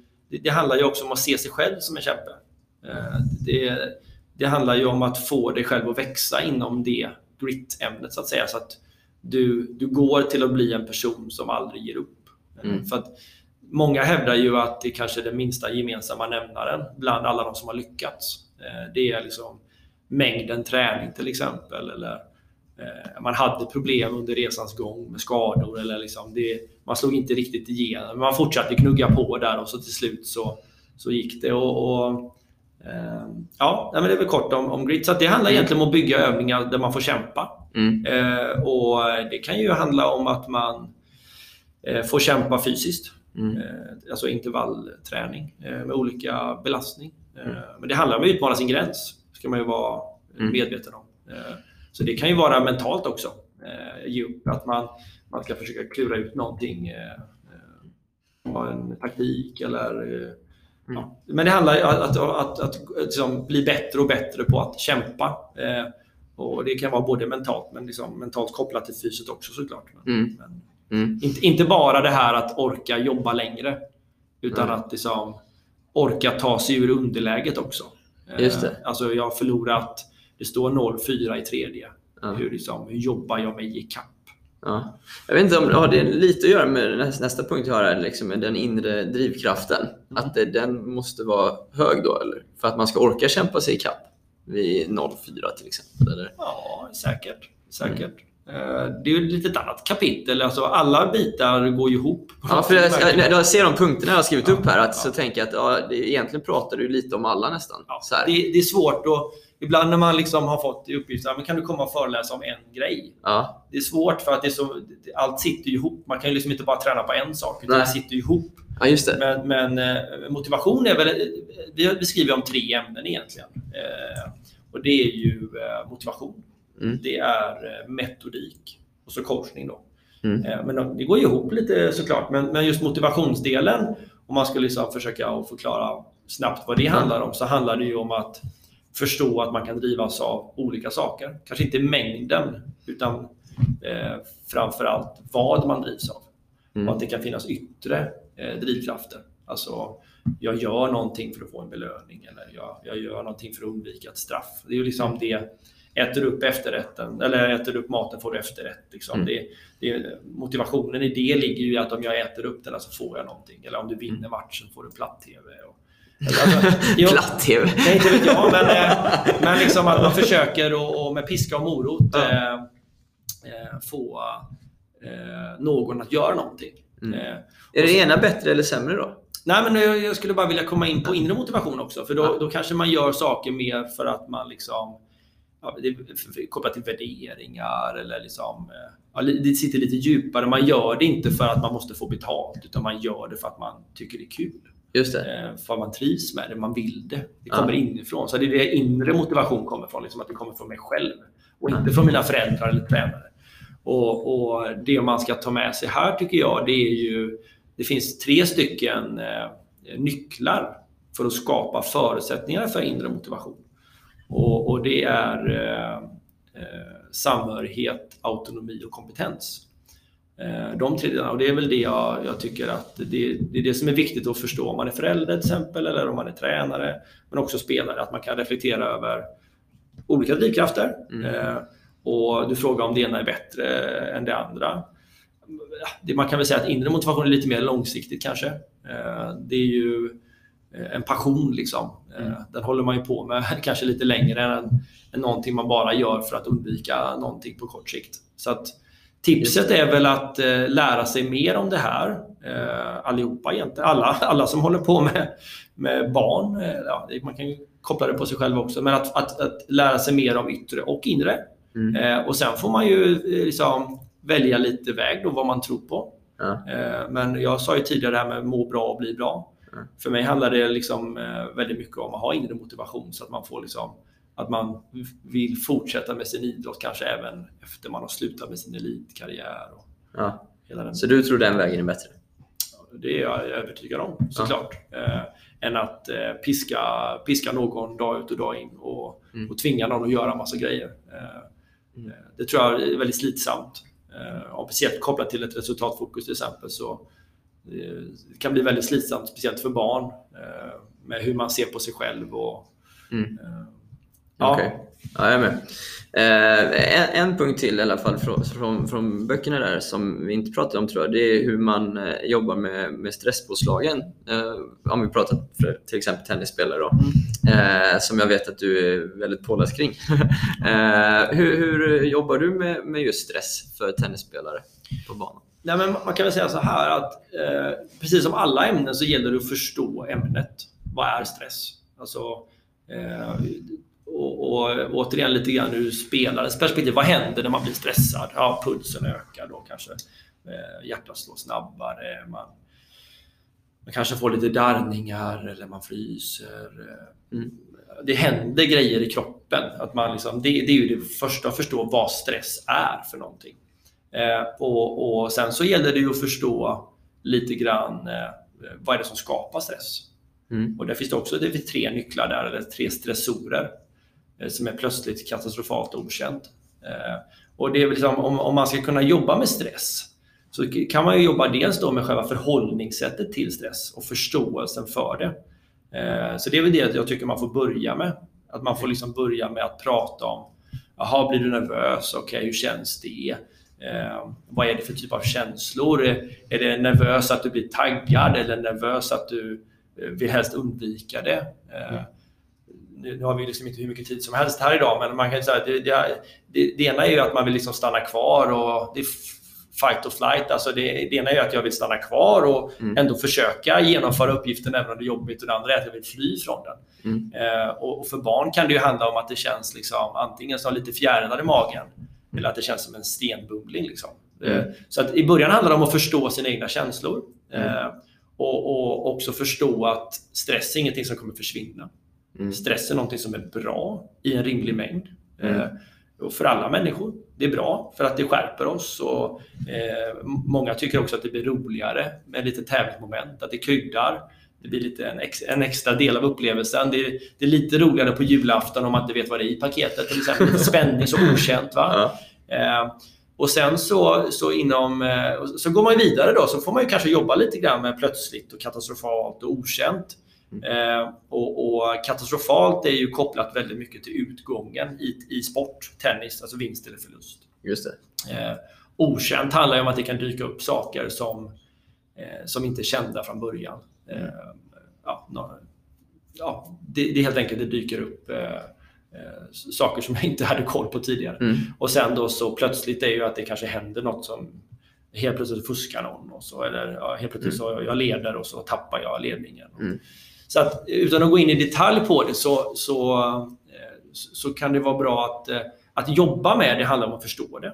Mm. Eh, och att kanske inte förvänta sig att ta bort stressen utan snarare bli kompis med den. Det mm. brukar vi prata väldigt mycket om.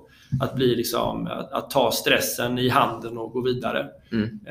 Så, så det, jag skulle vilja säga att nyckeln här är, om vi pratar barn och ungdomsträning så handlar det om att börja med det tidigt. Mm. Så att man förstår vad den där konstiga känslan är.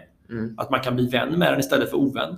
Mm. Eh, och det, det, tror jag man ska börja tidigt. Precis som man börjar med teknik tidigt så ska man börja med det. Så därför är jag ju för att tävla. Mm. Eh, men man, man, precis som i eh, grit, när vi pratar om det här med enkilosvikter och så vidare, så, så är det nog viktigt att börja mjukt och få, och, och få positiva spiraler. Där man känner att kanske inte från början att jag är bäst när det gäller. Men jag är bra när det är viktigt. Eller mm. när det är jobbigt. Och att man till och med kanske lär sig att tycka om det. Mm. Eh, så det skulle jag säga är liksom ABC i den kursen. Mm. Eh, men sen när man blir bättre så handlar det om att skapa verkliga situationer där de stressorerna som finns eh, mm. eller kan uppstå i själva matchsituationen. Att man tränar med dem helt enkelt. Och det, det är inte helt lätt alltså. Eh, för att det är svårt att återskapa en stor centerkort med 10 000 åskådare på en träning. Mm. Men, eh, men ja, vi kanske inte behöver gå in i detalj, men, men där kan man jobba med liksom hur man coachar någon. Eh, och, och, vi pratar, vi pratar mycket om Kajsa, men det har ju vi pratat, sedan hon var liten har vi pratat jättemycket om detta. Mm. Eh, otroligt eh, mycket och det är jag glad för. för att eh, då, hon har, hon har kommit en bit nu när hon är senior, än om jag hade börjat nu. Just det. Eh, för det, vi ska ju förstå, det, det är många som tycker att stressen ibland är så jobbig som man inte kan hantera den. Ja. Och det är väldigt kopplat till, som jag tänker då, resultatfokus. Ja. Katastrofalt. Alltså, eh, vinner jag så är jag en vinnare och förlorar jag så är jag en förlorare. Mm. Eh, och, och, för oss vuxna då, att trycka ännu mer på det eh, liksom ha långa matchsnack när de förlorar eller liksom direkt hem i bilen eh, i, i, familjen när man förlorar. Det, det, det, ja, det, det, man får vara varsam där för att eh, eh, det kan påverka mycket. Det kan göra att man upplever katastrofalt som kanske större än vad det är. Men det handlar inte om liv och död alla gånger, va? utan det, det handlar om en tennismatch och ändå kan folk bli, inklusive jag själv såklart, man kan bli nervös för mm. saker som eh, som, eh, ja, som egentligen borde inte, det borde inte vara så farligt, men ändå står man där. Mm. Och om man då har verktyg för att, att, kunna hantera det, då, då kommer man ju kunna klara sig bättre i alla fall. Mm. Sen, sen, handlar ju stress väldigt mycket om tillvänjning. Det handlar ju liksom om att växa i det. Att bli bättre och bättre på att hantera det. Mm. Eh, och, och, Det är väl kanske det... Eh, ja. Det tar tid. Ja, det tar tid. Eh, Eh, det gör det. Och, och jag vet inte, det, det, här går väl in lite på stress, men jag kan tycka att när man jobbar som coach då och ska liksom coacha på matcher och så vidare, så är det bra att känna till lite grann hur stress påverkar spelaren. Mm. Eh, och då tänker jag att vad händer när pulsen går upp? Vad, vad är det? För det, successivt så stängs ju saker och ting av i kroppen ju högre puls du får. Eh, och, och, du blir inte lika bra på finmotorik. Kanske du har känt någon gång om du är väldigt stressad. Ja. Du får inte lika bra helhetskoll. Ja. Eh, man blir lite fipplig. Man famlar med nycklarna. Ja, man famlar med nycklarna och, och de här mest fundamentala grejerna eh, faller bort kanske. Mm. Så, så det är viktigt som coach att veta det. Mm. Eh, och, och sen så saker man kan ha i huvudet när man är stressad kontra om man har vilopuls. Mm. Alltså har du över 125-130 puls Då kanske du har tillgång till en till tre grejer eh, liksom i närminnet som du kan liksom, Mm. eh, hantera. Och är du i vilotillstånd, men då kanske du kan upp till nio.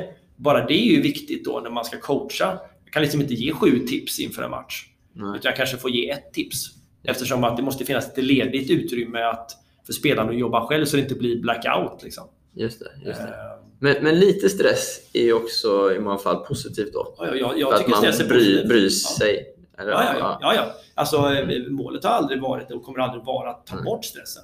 Utan det är att bli vän med den. Ja. Eh, Och det, får man, det blir ju personligt varför man blir stressad. Ja, just det. Eh, men- Ja, för vissa, grejer, vissa situationer kan ju någon bli stressad av, men någon annan är lite Ja. lugnare i den situationen. Ja. och, och kanske inte gå runt i tron om att det kommer finnas en dag då jag inte blir stressad. Mm. Utan, att- utan det är bara egentligen att jag, eh, jag vänjer mig vid saker. Jag tror inte till exempel Federer blir jättenervös av att gå in på en centerkort men det är inför fullsatt, för det har han gjort så många gånger. Så Mm. Det blir en vardag och det är mycket det som är målet såklart. Eh, Men, men det är klart att det finns situationer där han blir väldigt nervös också. Mm. Eh, Och det är då de här verktygen eh, kan vara bra, som andning till exempel, eller processfokus istället för resultatfokus. För resultatfokus är kopplat till katastrofalt, Mm. vinna eller försvinna. Så istället fokusera på, på process till exempel. Då. Mm. Eh, Men, men nu blir det mycket om stress, men man kan säga så här också att det, det är viktigt att ha med stress i träningen när man till exempel tränar teknik. Mm. Eh, För att, eh, jag brukar säga att stress självsanerar teknik. Så att om du, om du tränar någonting, det har du säkert upplevt själv, du tränar någonting på träning och så ska du gå in på match och så sitter det inte. Mm. För att man blir nervös. Mm. Och jag, jag tror många gånger så, så tränar man lite för mycket i ett gött tillstånd. Ja. Där man liksom inte, det spelar inte så stor roll om bollen går in eller inte. Eller sådär. Mm. Och så helt plötsligt så spelar det stor roll. Mm. Eh, och det tror jag när man tränar teknik till exempel så är det viktigt att träna det eh, med stress direkt. Och stress finns ju så naturligt inom tennisen med match. Mm. Det är ju ganska jobbig sport att tävla i. Mm. Att det alltid kan svänga. Så alltså, matchspel, eh, då kan man ju säga att min filosofi då, det är att man ska tävla väldigt mycket. Mm. Det är kanske det bästa stressträningen av allt om man ska göra det enkelt. Mm. Tävlar du mycket så hamnar du i överlägen, i underlägen, i konstiga lägen. Du hamnar naturligt. Mm. Så, så världens bästa utbildning är ju såklart att tävla mycket, Mm. men också att veta lite grann om stress. Då. Just det.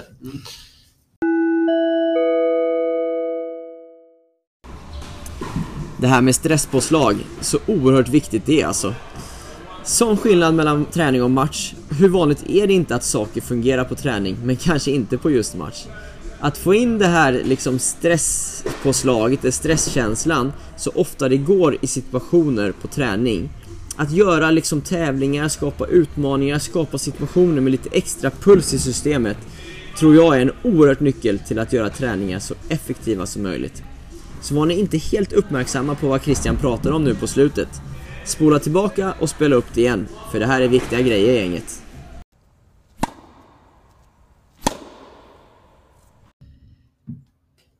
Eh, eh, Christian, jag vet att du och ett gäng andra tränare eh, var på lite studiebesök i internationella miljöer. För några år sedan, ett antal år i rad. Eh, ni besökte Serbien, Frankrike, Belgien och Ryssland. Eh, vilka var de i dina ögon viktigaste sakerna ni såg och tog med er hem? Om vi pratar ur dina, din eh, synvinkel. Ja, för det första så kan man väl säga att det var väldigt kul att vi fick åka. Vi fick ju ett, eh, ett bidrag, eh, eller eh, ja, ett bidrag heter det från eh, Ma- eh, Mackes minnesfond, Svenska Mm. Tennisförbundet, som gjorde att vi kunde åka. Så det var ju väldigt bra. Och, ehm, vi hade ju som mål att eh, på varje ställe träffa så många olika personer som möjligt. Mm. Vara i olika miljöer.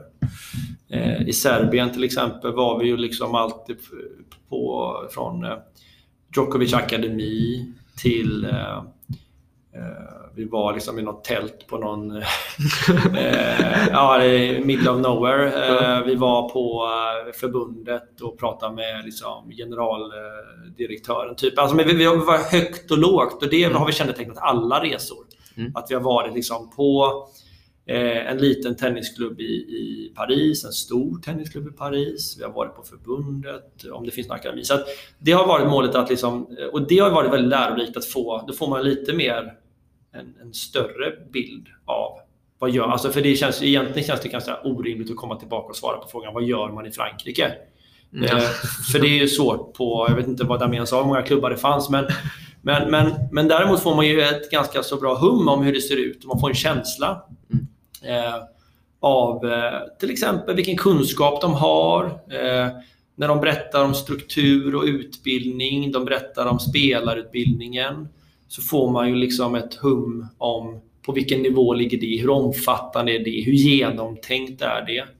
Eh, och sen så givetvis alla olika personer. Det kan ju vara liksom någon, Monfils gamla tränare, kunde det vara. Och det kan vara någon som egentligen är utbildningsansvarig. Så det, det var ju högt och lågt vilka personer vi träffade. Mm. Eh, men, men eh, bara att få vara i de här miljöerna eh, var ju jättelärorikt och väldigt, väldigt intensivt. För vi, liksom, ja, vi gjorde ju inget annat än att bara vara runt. Mm. Eh, och sen då, det här gänget är ju...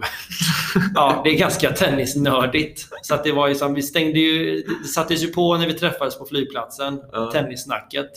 Och sen var det väl några timmar på natten när det var tyst. Men i princip annars så körde vi ju nonstop då. Så att, Ja. det är svårt att säga. Men eh, jag lärde mig jättemycket och fick jättemycket eh, inspiration. Okej. Eh, sen finns det vissa delar som man kan plocka. Till exempel vi lärde känna Dejan. Mm. Eh, eh, Vuko... Vukojic. Ja, precis. Mm. Jag har haft med honom här i podden. Ja, Eh, eh, han, eh, det var ju en riktig lyckoträff eh, att få lära känna honom. Ja. Att få stå jämte när han eh, jobbar. Att få lyssna på varför han gör eh, saker. Eh, och eh, Man kan ju plocka ut stora som små saker, men alltifrån sådana relationer. Vi har ju haft honom här på Ullevi eh, några gånger efter det, så det, liksom, det blev ju en jätte... Wow, verkligen för oss Ja, som klubb. Men även sådana mindre grejer som eh, filosofin kring hur mycket man ska tävla eller eh, ja, hur, hur omfattande utbildning man har, förbundets roll eh, Mm. i en spelares satsning. Det skiljer sig jättemycket till exempel mellan Serbien, när vi var där, det var ju några år sedan nu, men, men till exempel hur Serbien gör eh, Mm. kontra hur franska förbundet gör. Mm. Eh, Så att eh, svaret är väl att det finns otroligt mycket man har lärt sig. Svårt att sortera ut vad är det liksom, Mm. för man tar med sig så mycket. Ja. Känner du att det har liksom använts eller kommit, använts på ett bra sätt det, det ni har sett och kommit hem och förmedlat? Både om vi pratar Ullevi men kanske även svensk tennis i stort. Eh, om vi tar Ullevi först och främst eh, så tror jag, och det kan, tror jag kanske kan- till och med kan svara för alla, att vi har tagit med oss mycket hem Mm. såklart. Eh, det är ju så att de länderna vi besökte är ju väldigt framgångsrika. Och det är klart man måste lyssna på lyssna och lära. Hur gör ni och, och sådär. Va? Och ehm, det har vi ju tagit hem till alla våra miljöer, tänker jag. Och framförallt till Ullevi. Jag har tagit hem jättemycket. Mm. Sen, sen måste man ju förstå att eh, det finns ju, det, det är inte bara att ta det där och översätta rätt av. Ett förbundstänk till ett klubbtänk. Mm. Det går inte. Akademitänk till klubbtänk är också svårt. Eh, sen har du liksom, hur är man som person i Frankrike eller i eh, Ryssland? Mm. Olika kulturer. Eh, Ja, kulturer. Eh, vad- betyder tennisen för landet? Mm. Hur ser tränarens roll ut?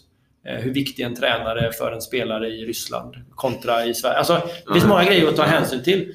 Men, men jag är säker på att eh, vi har tagit med oss väldigt, väldigt mycket. Eh, förbundet, det vet jag faktiskt inte exakt hur mycket som, som har använts mer än att vi, vi har väl fått liksom, presentera det vid en eller två tillfällen. Mm. Kanske tre, jag minns inte riktigt, men det kan nog vara tre. Men jag, om man pratar liksom eh, vad jag tycker så tycker jag att man borde dra, man borde liksom krama ur det mesta som finns och få, få till sig. Ja. Eh, om, jag vet inte riktigt, alltså, det beror på målet såklart med svensk tennis, men om man vill vara bland de bästa så får man ju börja med att lära av de som ligger före. Mm. Eh, och så får man koka ihop det till något som passar här. Eh, såklart. Så det skulle kunnat kramas ur lite till kanske? Jag tror väldigt mycket mer. Just det. Ja. Eh, om, vi, vi har pratat lite om det tidigare och vi är inne på att toucha på det nu också, men utbildningen i, i, i Sverige. Eh, du sa att det var en bit som ni kollade på i andra länder och så vidare. Och, och Damien pratade ju en del om det franska utbildningssystemet Ja. i avsnittet med honom här. Vad är dina tankar kring det svenska tränar, trä, tränar, den svenska tränarutbildningen? Eh, vad tänker jag om det? Jag tänker väl att eh, allt, allt beror ju såklart på vad man har för ambition. Alltså Mm. vad, är, vad är målet med svensk tennis? Men det känns ju som att vi ganska ofta kommer in på att vi ska få fram bra spelare. Och om man tar ur det perspektivet så känns det ju väldigt viktigt att vi har en utbildning som liksom möjliggör de målen. Eh, Det är väl liksom grunden. Eh, Att man liksom... Jag jag minns jag satt på någon eh, föreläsning där eh, jag vet inte hur jag ska summera det på bästa sätt, men liksom vi pratade om att det var kanske dåligt hur, hur svenska spelare var rankade i världen, att det var väldigt låg världsranking. Mm. Eh, och då, det var någon som sträckte upp handen och sa liksom, ah, men vad, vad skulle ni ranka svenska tränare i världen? Eh, jag tycker det är en ganska bra... Eh, om man tittar liksom på svensk utbildning för tränare och så sätter man den i ett perspektiv till övriga, de man vill konkurrera med. Mm. Och så får man lägga det i vågskålen och så får man liksom omfattning, eh, innehåll, eh, Mm. ja, eh, och så också ska man säga metodik. Alltså hur, eh, hur, hur, hur ser utbildningen ut? Är den digital eller bygger det på fysiska träffar? Finns det en app? Finns det inte? Finns det tillgängligt material som kommuniceras? Det finns så många bitar i det. Det handlar inte bara om kompetensen. Ja. Eh, utan det handlar ju om sättet man får ut det till, alltså från sin kärna hela vägen ut till minitennisen om man säger. Liksom, att hur, hur vet vi att man lär ut? Eh, det. eh, Så det finns ju så många bitar i utbildningen. Det är inte Mm. bara kvaliteten på innehållet. Utan Mm. det är ju hur, hur det utvecklar tränaren. Eh, Men jag, jag tycker väl att det finns mer att önska inom det mesta där. eh, Såklart. Mm. Eh, eh, Inte bara omfattning utan också innehåll. Okej. Eh, Ja. Ja. För jag, jag antar att Ulve har haft ett gäng tränare som ändå har gått igenom lite steg. Så, här, så att, ja. eh, du, du nämnde här Dejan som eh, du träffade i Serbien som ni har haft här på Ullevi. Eh, som har hållit eh, helgkurser, utbildningar eh, ett antal gånger. Där ni bjöd in tränare från hela landet som fick delta. Var det lite för att ni tyckte att den nuvarande utbildningen inte håller tillräckligt hög nivå? Så valde ni att göra en egen? Alltså, eh, vårt fokus var inte att fokusera på liksom, om vi tyckte något annat var bra eller dåligt. Vi, vi såg utifrån våra behov. Vad, Mm. vad, vad vill vi? eh, Vad, vad vill vi? Liksom? Och vi vill erbjuda riktigt bra utbildning röd, orange och grön. Okej. Eh, och då, då tittar vi liksom vad, vad tror vi att vi behöver göra då? Ja, vi tror vi behöver liksom fördjupa Ta in oss. utifrån. Ja, ja det, är- det blir ju ganska givet. Eh, Ja. Sen har ju vi väldigt tur här. Vi har ju Damien som kan hjälpa oss med...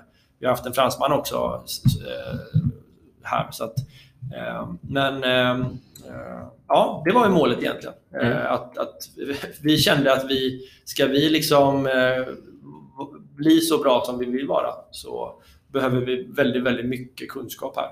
Mm. Och vi behöver liksom lite också förslag på hur implementerar vi det. Mm. Så det var väl, det var inte för att vi tyckte att något var dåligt utan vi ville liksom göra någonting som vi själva trodde på. Okej, ja. Vad, eh, vi, när vi pratar om utbildning hos tränarkåren liksom, att, och kompetens. Eh, vad, vad är det egentligen för skillnad på en utbildad tränare och en inte lika utbildad tränare? Om vi ser en liksom, vanlig timme på banan. Vad, vad, vad, vad ger det för skillnad för den här eleven som står där nere? För sitter man och pratar är det tydligt liksom, att någon kan mer än någon annan. Men där nere liksom.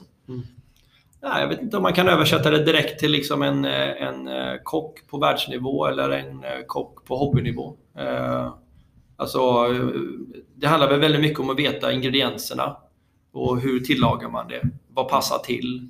Eh, Hur blir det en bra liksom, upplevelse? Det är lite grann samma på, på, på tennisbanan. Eh, Alltså hur funkar de olika? Hur funkar inre motivation? Eh, Vad är bra tennisteknik för en forehandsving? Mm. Eh, vilka taktiska moment är avgörande eh, i en match? Eh, alltså det finns ju så mycket grejer. Mm. Så att liksom känna till ingredienserna i tennis, att känna till ingredienserna i eh, liksom, vilka olika metodiker ska jag använda? Nu har jag barn här. Mm. Eh, kan jag använda samma metodik som för vuxna? Mm. Eh, hur ofta behöver de lyckas för att man ska få en liksom, positiv spiral? Vad händer om jag feedbackar väldigt mycket på eh, resultat kontra om jag pratar väldigt mycket målbild? Eh, Så att egentligen kan man väl säga att eh, eh, det inne- alltså det, bara för att man har eh, tusen utbildningar i ryggsäcken så behöver det inte innebära att man är bättre än den som har tio. För det handlar så väldigt mycket om att få ut det också, så som du sa innan med relationer. Och, Mm. eh, så att det, det är inte bara för att du har gått massa utbildningar att du blir bättre. Du Mm. måste ju liksom vara väldigt bra på att lära ut också. Mm. Eh, och där pratar vi ju, liksom, jag tänker liksom, alla använder ju feedback till exempel. Det gör ju både någon som är mindre skicklig och någon som är jätteskicklig använder ju feedback. Mm. Eh, Kroppsspråk eller eh, ja, miner kan det ju vara och, och ord eh, och tonlägen, eh, eh, storlek på feedback och så. här. Alla använder det, men jag tänker mig att någon som är eh, utbildad, eh, till exempel inom feedback, vet ju mer om feedback och kan ju då välja bättre tillfällen att ge feedback kanske. Eh, välja lite mer, om du förstår, rätt typ av feedback. Ja. Eh, rätt mängd. Rätt, en, en viktig sak att fokusera på för att få utveckling. Mm. Så det kokar väl ner till att en bra tränare ska väl kunna få eh, bra eh, effekt snabbt. Mm. Eh, och, att det sitter, att det håll, alltså det sitter i. Mm. eh, Mm. Själva, Just det. Ja, Jag sitter här och tänker bara så här när man pratar om så här att man, det finns du sa, utbildning i feedback och, och så vidare. Att ju, jag, jag, jag tror, jag förstår ju vikten av att ha, ha kunskap och vara eh, liksom, hög kompetens och utbildad och så vidare. Men blir det att man tappar sitt liksom, genuina? Om man hela tiden tänker att vad, vad, det, det där lärde jag mig på den utbildningen. Eller liksom att forskningen säger det här. Liksom, så här. Förstår du vad jag menar? Det spontana. Att det kan gå förlorat i, Ah. i coachningen. På, ja, du liksom. får nog nästan utveckla lite mer. Ja, men så här, liksom att eh, ibland kanske man bara liksom eh, att man, man, man säger ibland att ju mer man lär sig desto mer, mer inser man hur lite man kan. Att man nästan famlar lite efter ja, men just det, det, den kunskapen där, den kunskapen där. Och så vet man inte riktigt hur man ska sålla det till slut. Mm. Och då blir det liksom att det, det, det man vet inte riktigt till slut vad man ska föra fram till spelaren. Mm. För att man sitter nästan på för mycket. Nu Ja, ser ja. du extremt skeptisk ut här. Nej, men- nej, nej, det är jag inte. Men eh, eh, jag, jag tänker att eh, det är väl säkert så som du säger att eh, ju mer man lär sig desto svårare blir det kanske för att man har lite större arsenal. Ja, men precis så. så här, jag har sju stycken olika hammare här. Vilken ska jag använda egentligen? Ja, ja, Det är lättare Men- när jag bara har en. ja. kanske blir fel. Men eh, eh, frågan är i vilket stadie du är när du känner så. Eh, för att eh, jag tänker att nivån över där är att du vet precis vilken hammare som passar i vilket läge. Men då kanske det, kanske har med erfarenheten att göra också. Ja, Så här, antalet man har eh, valt försök. fel någon gång, men Ja. nu vet jag vilken Ja, det är. och det, det tar nog lång tid. Just det. Eh, Det är väl alltid så när man hör de här som man tycker själv är wow, så pratar de bara om enkla saker. Eh, Det tror jag också att det handlar om. Liksom, någonstans handlar det ju liksom om man ser liksom allting som ett stort träd. Där man har stammen som det här, som du pratar om, det enkla, liksom basen liksom för alltihopa. Så finns det ju liksom kvistar och det finns blad och det, ja, det ena och det andra. Va? Ja. Men, men eh, eh, nå- någonstans så handlar det väl liksom om att eh, förstå eh, helheten men, men liksom jobba med basen Mm. eh, och, och se till att liksom ja, att det, det är det som är eh, ska säga, högsta prio. att, att få en bra bas istället för att bara jobba på en gren. Just det. Jag vet inte om jag förklarar det på ett bra sätt. Ja, men jag, vet, jag förstår vad du menar. Ja, jag är med. Ja, det var bara en, liksom, en tanke som flög i mig här. Mm. Eh, jag, när vi är inne på utbildning, du har ju redan berättat om din elittränarutbildningen som du gick. Eh, men jag för mig, du får rätta mig om jag har fel nu, men att du under den gjorde en studie på junior, längden på juniorers slagdueller. Ja. Eh, en ganska omfattande studie. Eh, kan du berätta lite om den och dina tankar kring just matchlik kontra lite mer traditionell slagträning kanske? Nej, men, eh, man kan väl säga att det, det, nyfikenheten på eh, vad är tennis var det väl som drog igång det. Ja. Eh, och, att verkligen gå in i och, och förstå vad, vad är tennis? Eh, Om man kollar på siffror. Liksom. Hur, hur många slag slår man? Eh, jag tittar på 12 och 14-åringar då. Mm. Eh, eller om det bara var 12. Ja, det var i alla fall 12 och 14 eller 12. Ja. Eh, och för, för att också kunna jämföra med, med eh, proffstennis. Det Just finns det. ju lite mer siffror där. Ja, där har man ju hört Ja. lite mer. Ja. Men det, nyfikenheten lite grann var att- se vad, hur ser det ut egentligen? Vad, hur ser en tennismatch ut? För det var, då gjorde jag studien på Masters, då, de Mm. bästa eh, i Sverige. Eh, och då var det ju alltifrån att eh, hur många slag per duell slår man? Hur många bollar per eh, match spelar man? Eh, hur, eh, hur långa sekvenser är det man spelar och vilar?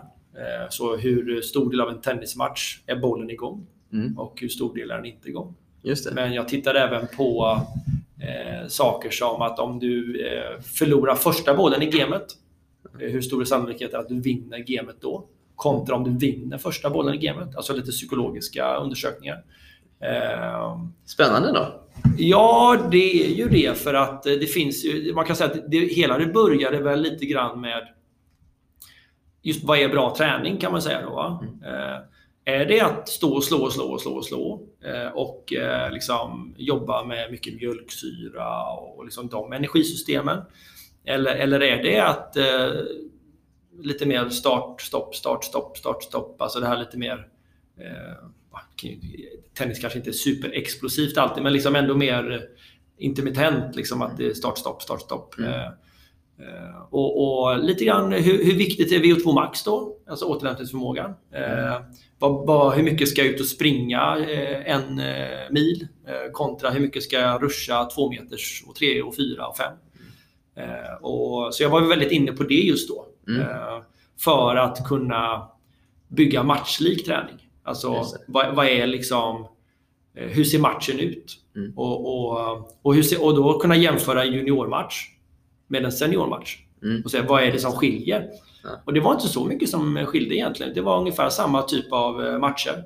Mellan junior och senior. Ja, Ja. alltså det är bara att eh, vissa bollar är kanske lite längre för man slår, lite, man slår inte lika hårt. Och, Ja.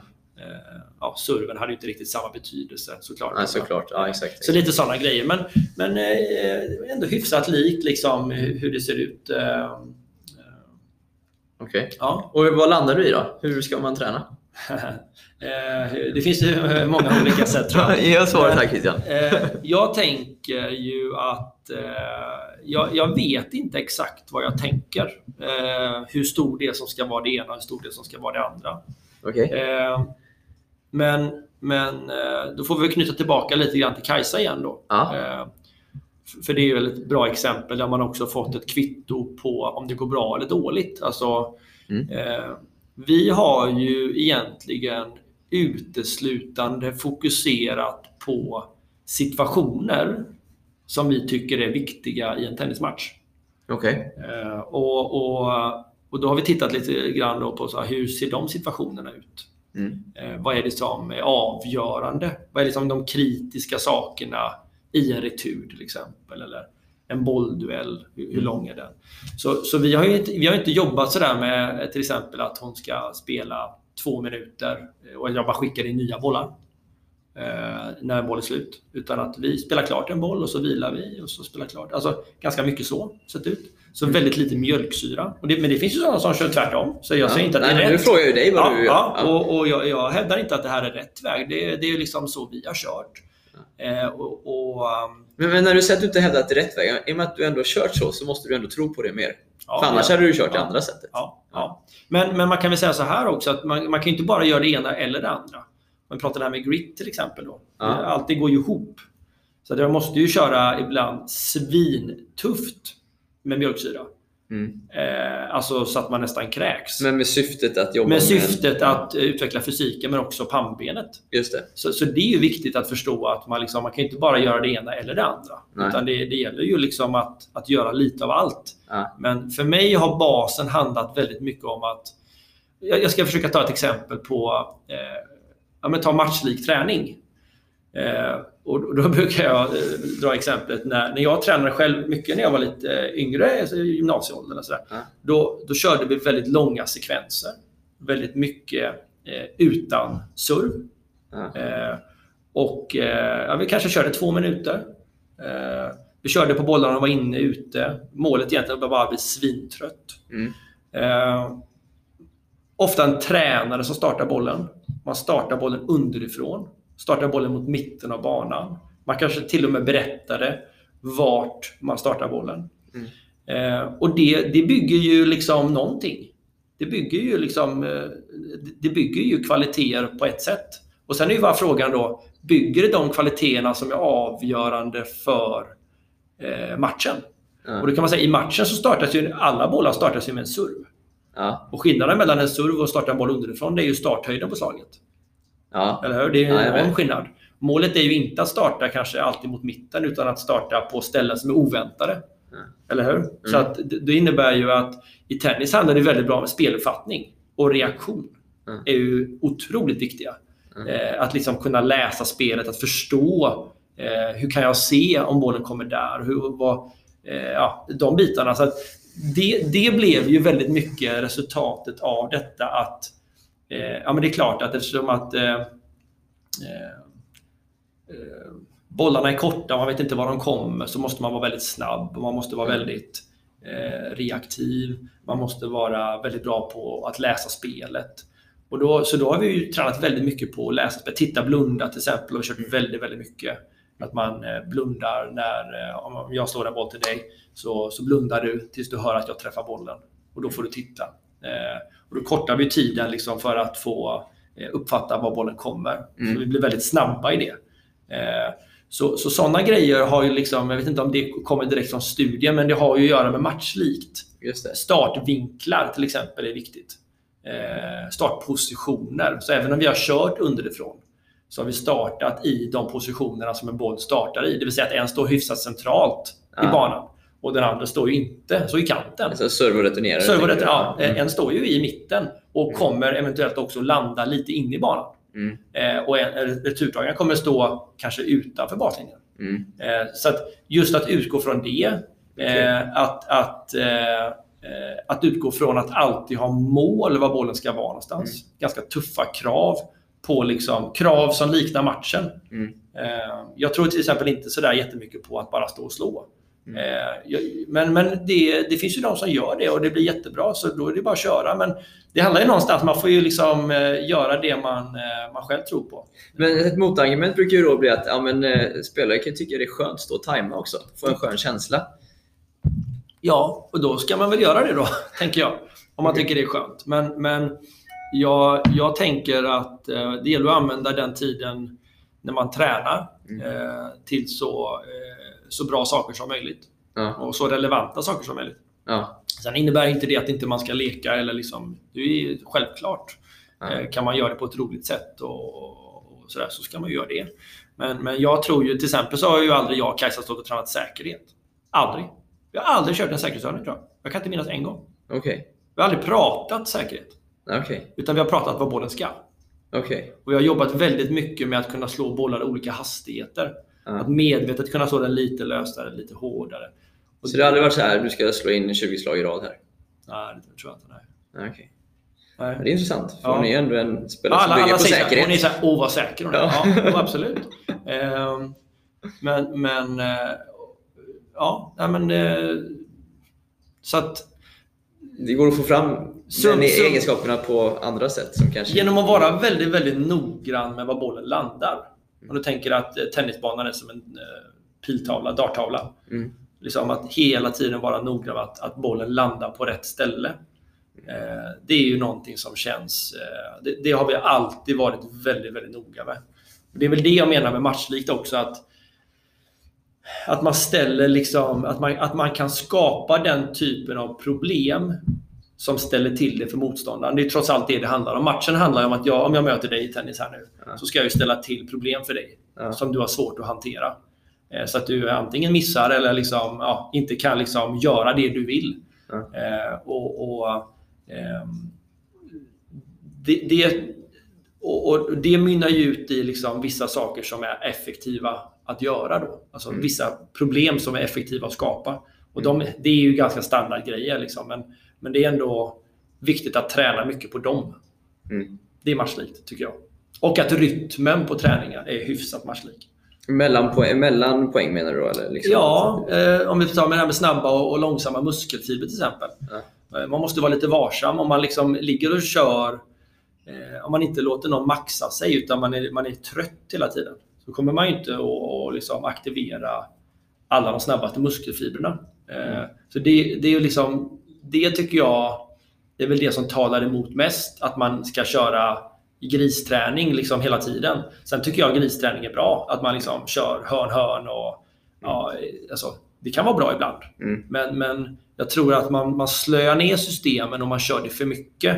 Mm. Och dessutom så är kroppen behöver ju många timmar på sig att återhämta sig. Mm. Så att det, du får du, om du ska köra väldigt tufft får du ändå vara lite varsam med att, att du kan hantera det. Att din kropp är så pass tränad så att den kan hantera det också. Mm. Eh, men för att, för att liksom fånga in var vi börjar så kan man väl säga att det var eh, det jag, jag var nyfiken på hur ser tennisen ut. Mm. Eh, och eh, återigen då, hur skapar man riktigt bra träning? Eh, och, och ja, Det var väl egentligen eh, det jag lärde mig kanske. Ja.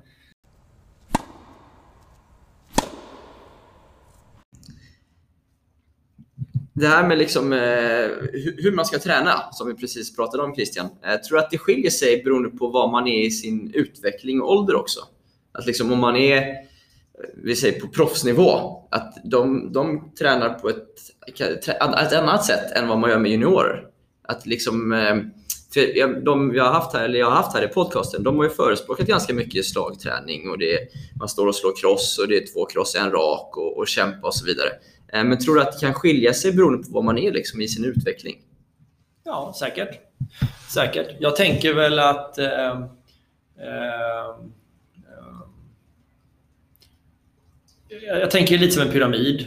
Att eh, ju, ju yngre du är, desto bredare är basen. Liksom, desto mer fokus ska ska jag vet att Damian pratar om den pyramiden som vi använder här. Va? Ja, exakt. Och det, det är ju liksom eh, det är ju eh, det är så jag tänker kring träning och eh, det är så jag tänker kring att specialisera sig. Mm. Att pyramiden är en ganska bra symbol. Mm. Att det gäller att jobba med basen och jobba med basen mycket. Och, och, och, och sen gäller det att jobba med det där sista lilla ja, fila på, på den sista lilla detaljen. Mm. Ehm, se- Sen är det ju, eh, det är ju upp till eh, alla egentligen att, eh, att välja väg. Vad man tror på. Om man tror på att stå och slå och slå och slå. Och, eller om man tror på något annat. Mm. Jag, eh, jag är väl av den personen, jag, jag älskar att ifrågasätta. Det är liksom en av mina stora grejer. Jag ifrågasätter mig själv och andra för jag tycker det skapar eh, möjligheten liksom att komma på nya bra grejer. Mm. Eh, jag, eh, och, och um, där har väl Peter, som jag har skrivit böcker, det, han har varit otroligt viktig dörröppnare för mig Mm. när det kommer till att tänka, inte bara inom tennisen, utan tänka eh, lite större.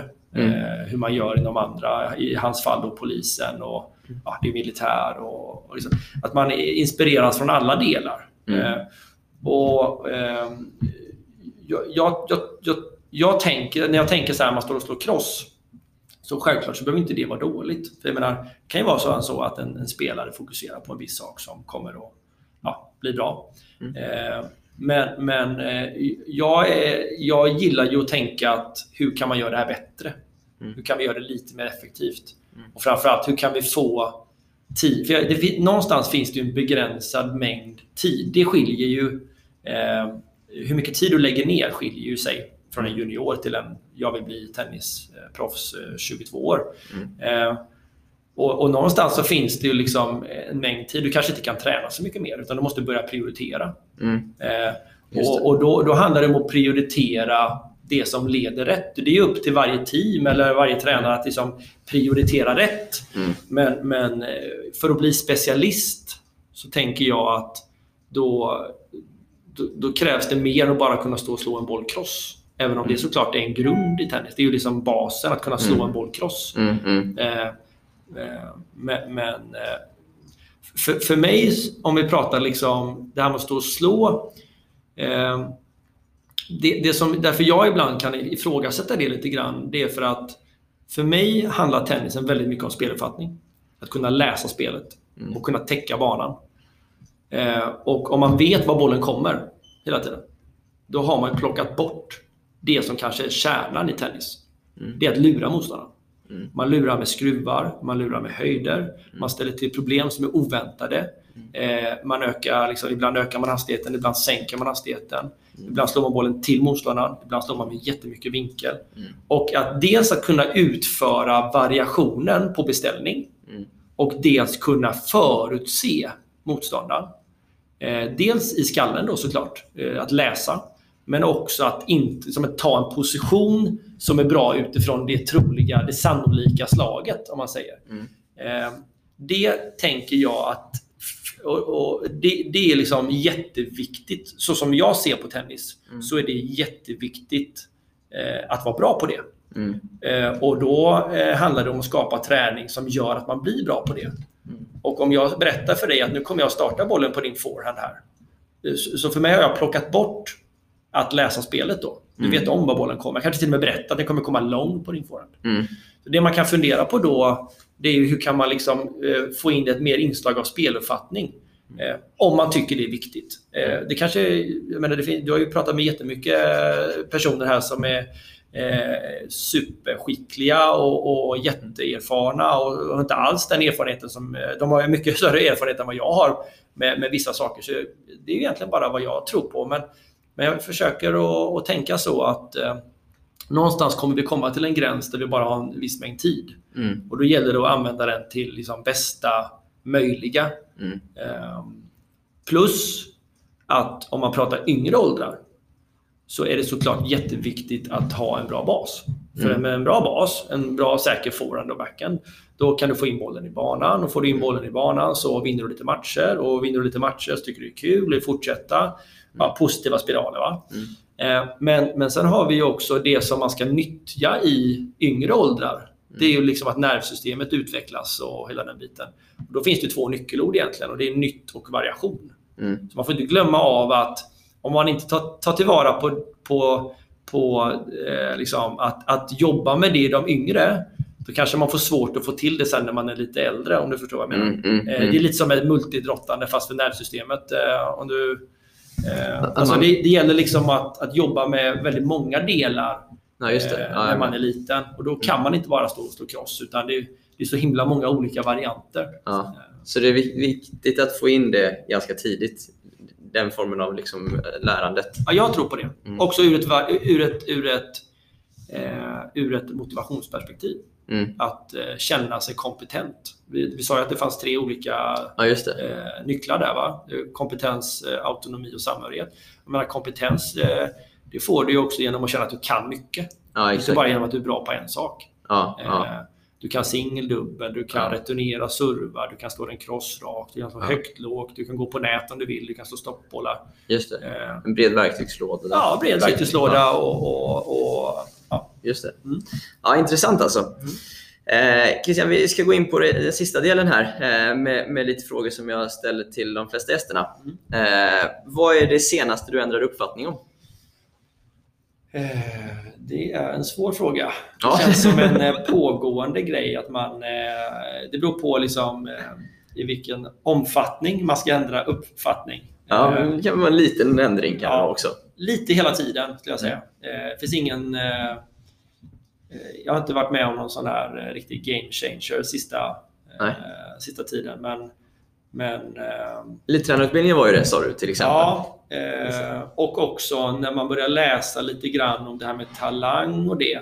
Det var väl lite grann en game changer för mig att förstå att beroende på vilken typ av eh, idrott du håller på med eh, så finns det olika krav.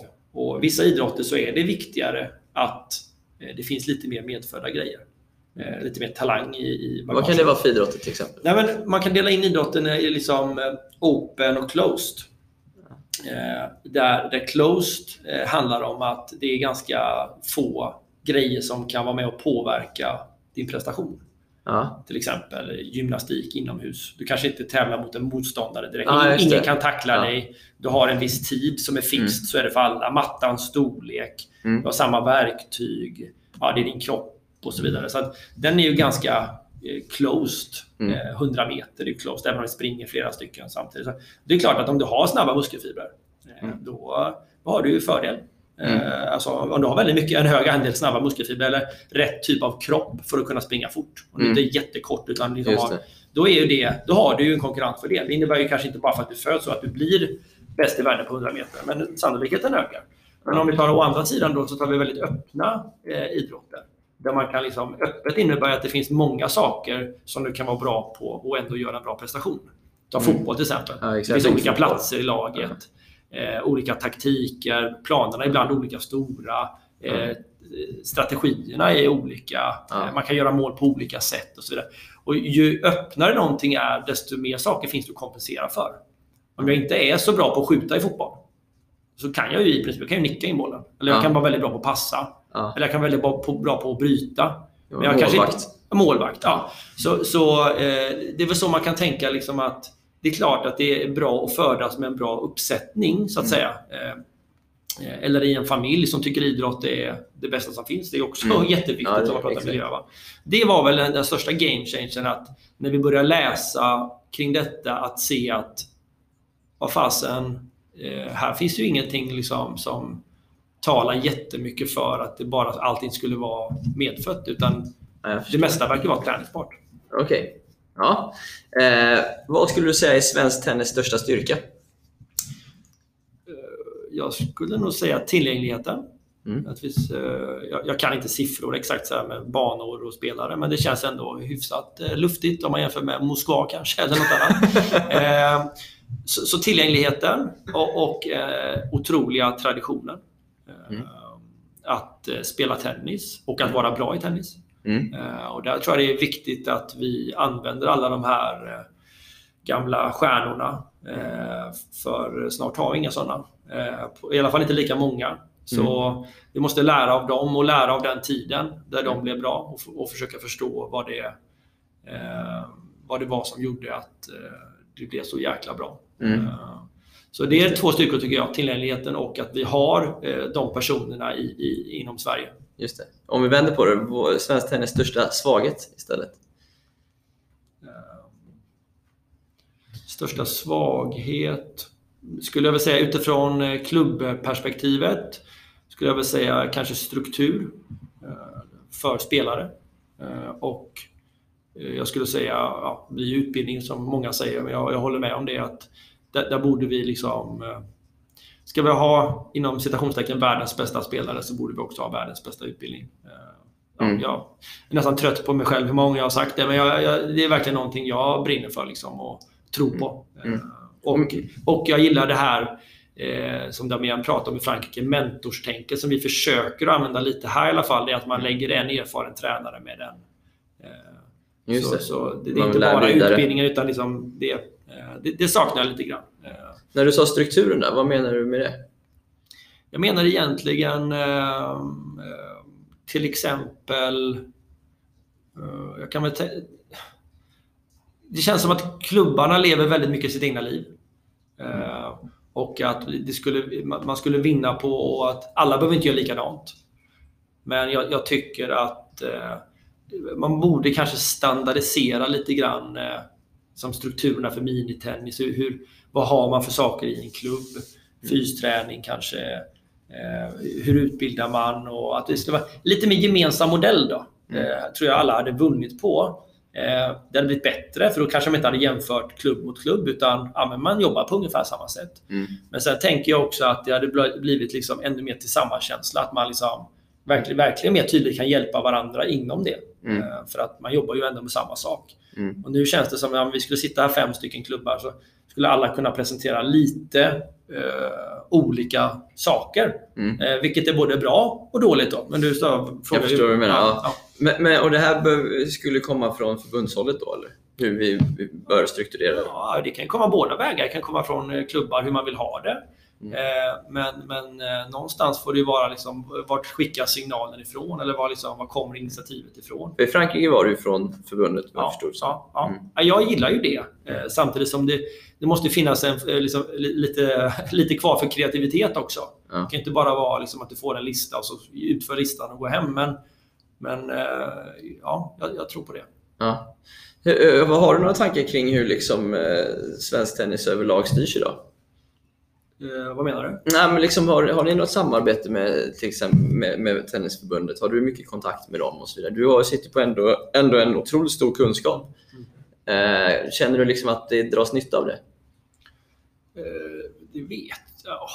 Alltså, det, det känns väl som att eh, det går att utveckla, eh, alltså för egen del, men alltså det finns ju väldigt mycket intressanta personer Mm. i Sverige. Och det önskar man väl att, att förbundet skulle dra ännu mer nytta av. Mm. Ja, jag kan säga massa olika namn som det hade varit superintressant om man hade fått höra dem föreläsa kring olika Mm. bitar. Och, eh, så ja, svaret är väl att det, eh, det, går, det, det går att utveckla. Eh, och den kontakten vi har är väl... Jag har ju haft eh, okej kontakt ändå, alltså eftersom att jag är med Kajsa och ja, i den rollen och sådär. Men jag tror att eh, förbundet skulle behöva engagera sig mer i liksom, tennisskolorna. Okej. Eh, liksom, eh, Mikael Pil som jobbar för oss som gör ett, ett grymt jobb och ja, eh, bygger liksom en tennisskola för 400 personer som den i princip ingen slutar. Och så där. De, det är kanske där jag... Det, de skulle få synas mer. Mm. Eh, För det är ju ändå basen i svensk tennis. Vi pratar om den här pyramiden. Ja. Så är ju liksom, eh, ibland pratar vi om de här elitspelarna. Och det är ju bara toppen på pyramiden. Ja. Basen liksom. Just det. Ja. Den är kanske ännu viktigare ibland. Mm. Eh, om du fick ställa en enda fråga till en person inom Tennis-Sverige, eh, vad skulle du ställa för frågor till vem då? Oh. Den var inte lätt du. Har, har de andra svarat på den? Nej, den är ganska ny faktiskt. Jag, jag, jag testar lite där och ser hur den funkar. Om jag skulle få ställa en fråga.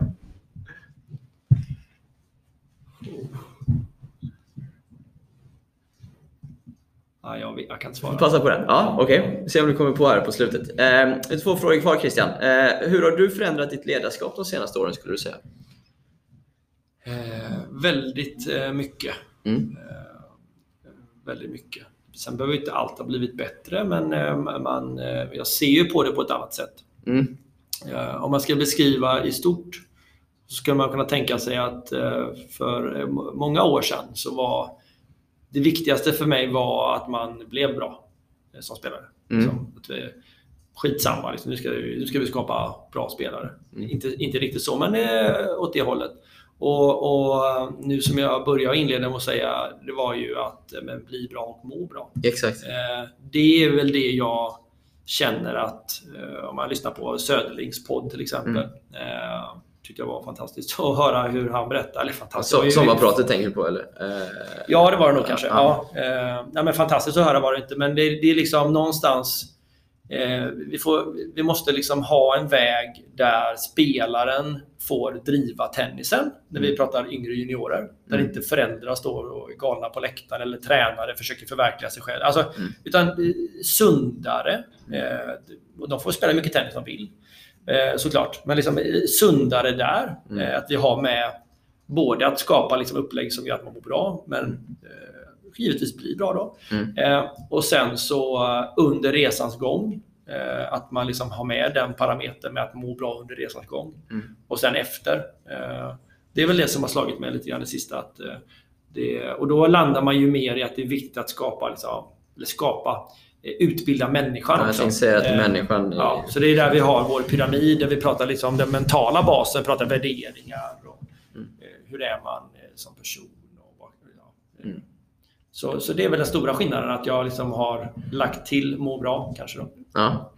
Slutligen här då, det här behöver inte handla om tennis, men skulle du kunna rekommendera någonting? Vad som helst.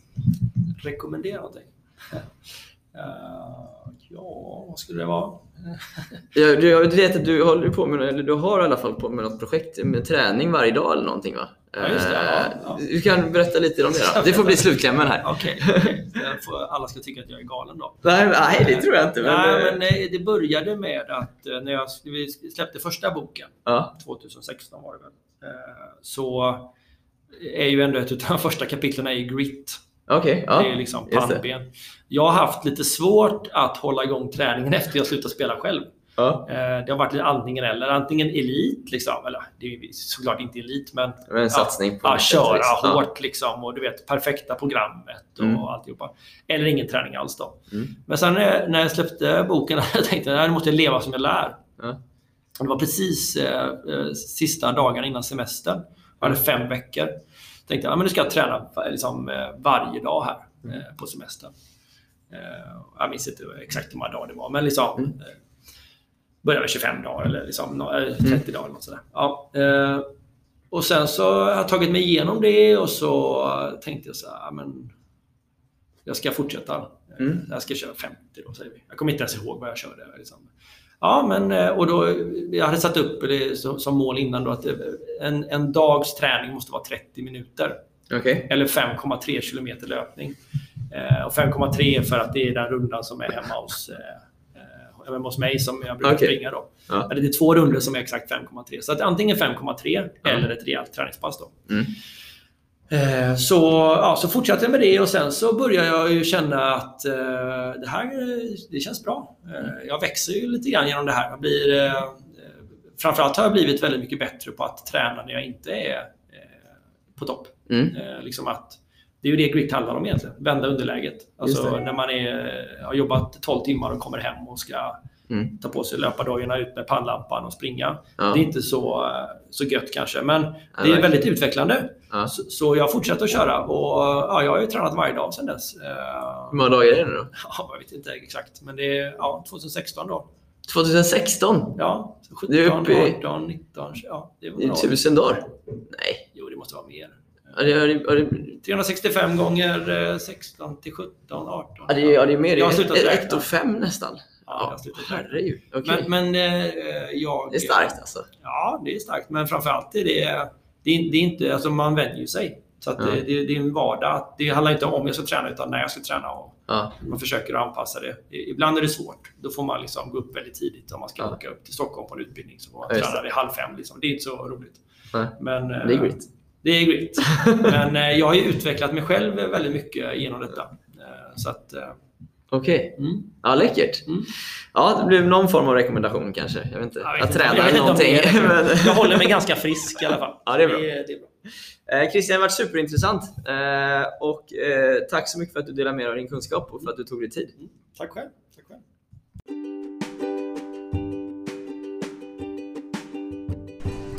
Två timmar flyger förbi, eller hur? Otroligt intressanta ämnen. Som när han pratar om stress, grit och motivation. Här finns det mycket som jag, och säkerligen fler än mig, verkligen kan lära oss av. Jag tyckte det var intressant hur Christian verkligen utvecklat sig som ledare och coach sedan han breddat sitt perspektiv utanför tennisen. Att ha mentorer som man bollar idéer med tror jag är ganska vanligt, det gör jag med.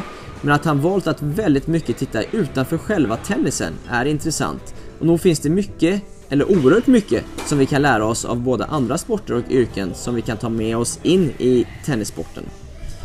Ämnet om matchlik träning kommer återigen upp, precis som det gjort tidigare i den här podcasten. Christian sticker ut lite mot tidigare gäster som ofta förespråkat just klassisk slagträning. Här ger Christian ett annat sätt att se på saken. När han förklarar sitt tänk låter det, tycker jag, fullt rimligt. Varför inte träna som en match ser ut?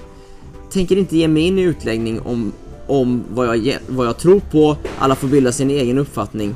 Men ett oerhört intressant och fascinerande ämne är det, helt klart. Med det sagt så stänger vi butiken för den här gången. All information och allt nytt kommer ta ett litet tag för mig att smälta och troligtvis kommer jag lyssna på det här avsnittet både två och tre gånger för att verkligen få med mig allt som Christian har sagt. När vi spelade in det här så tyckte jag det var, det var väldigt lärorikt att höra honom eh, ja, men prata om de här ämnena. Glöm inte att följa podden på sociala medier och om ni gillar vad ni hör, dela gärna den vidare. Tack för den här gången, på återhörande.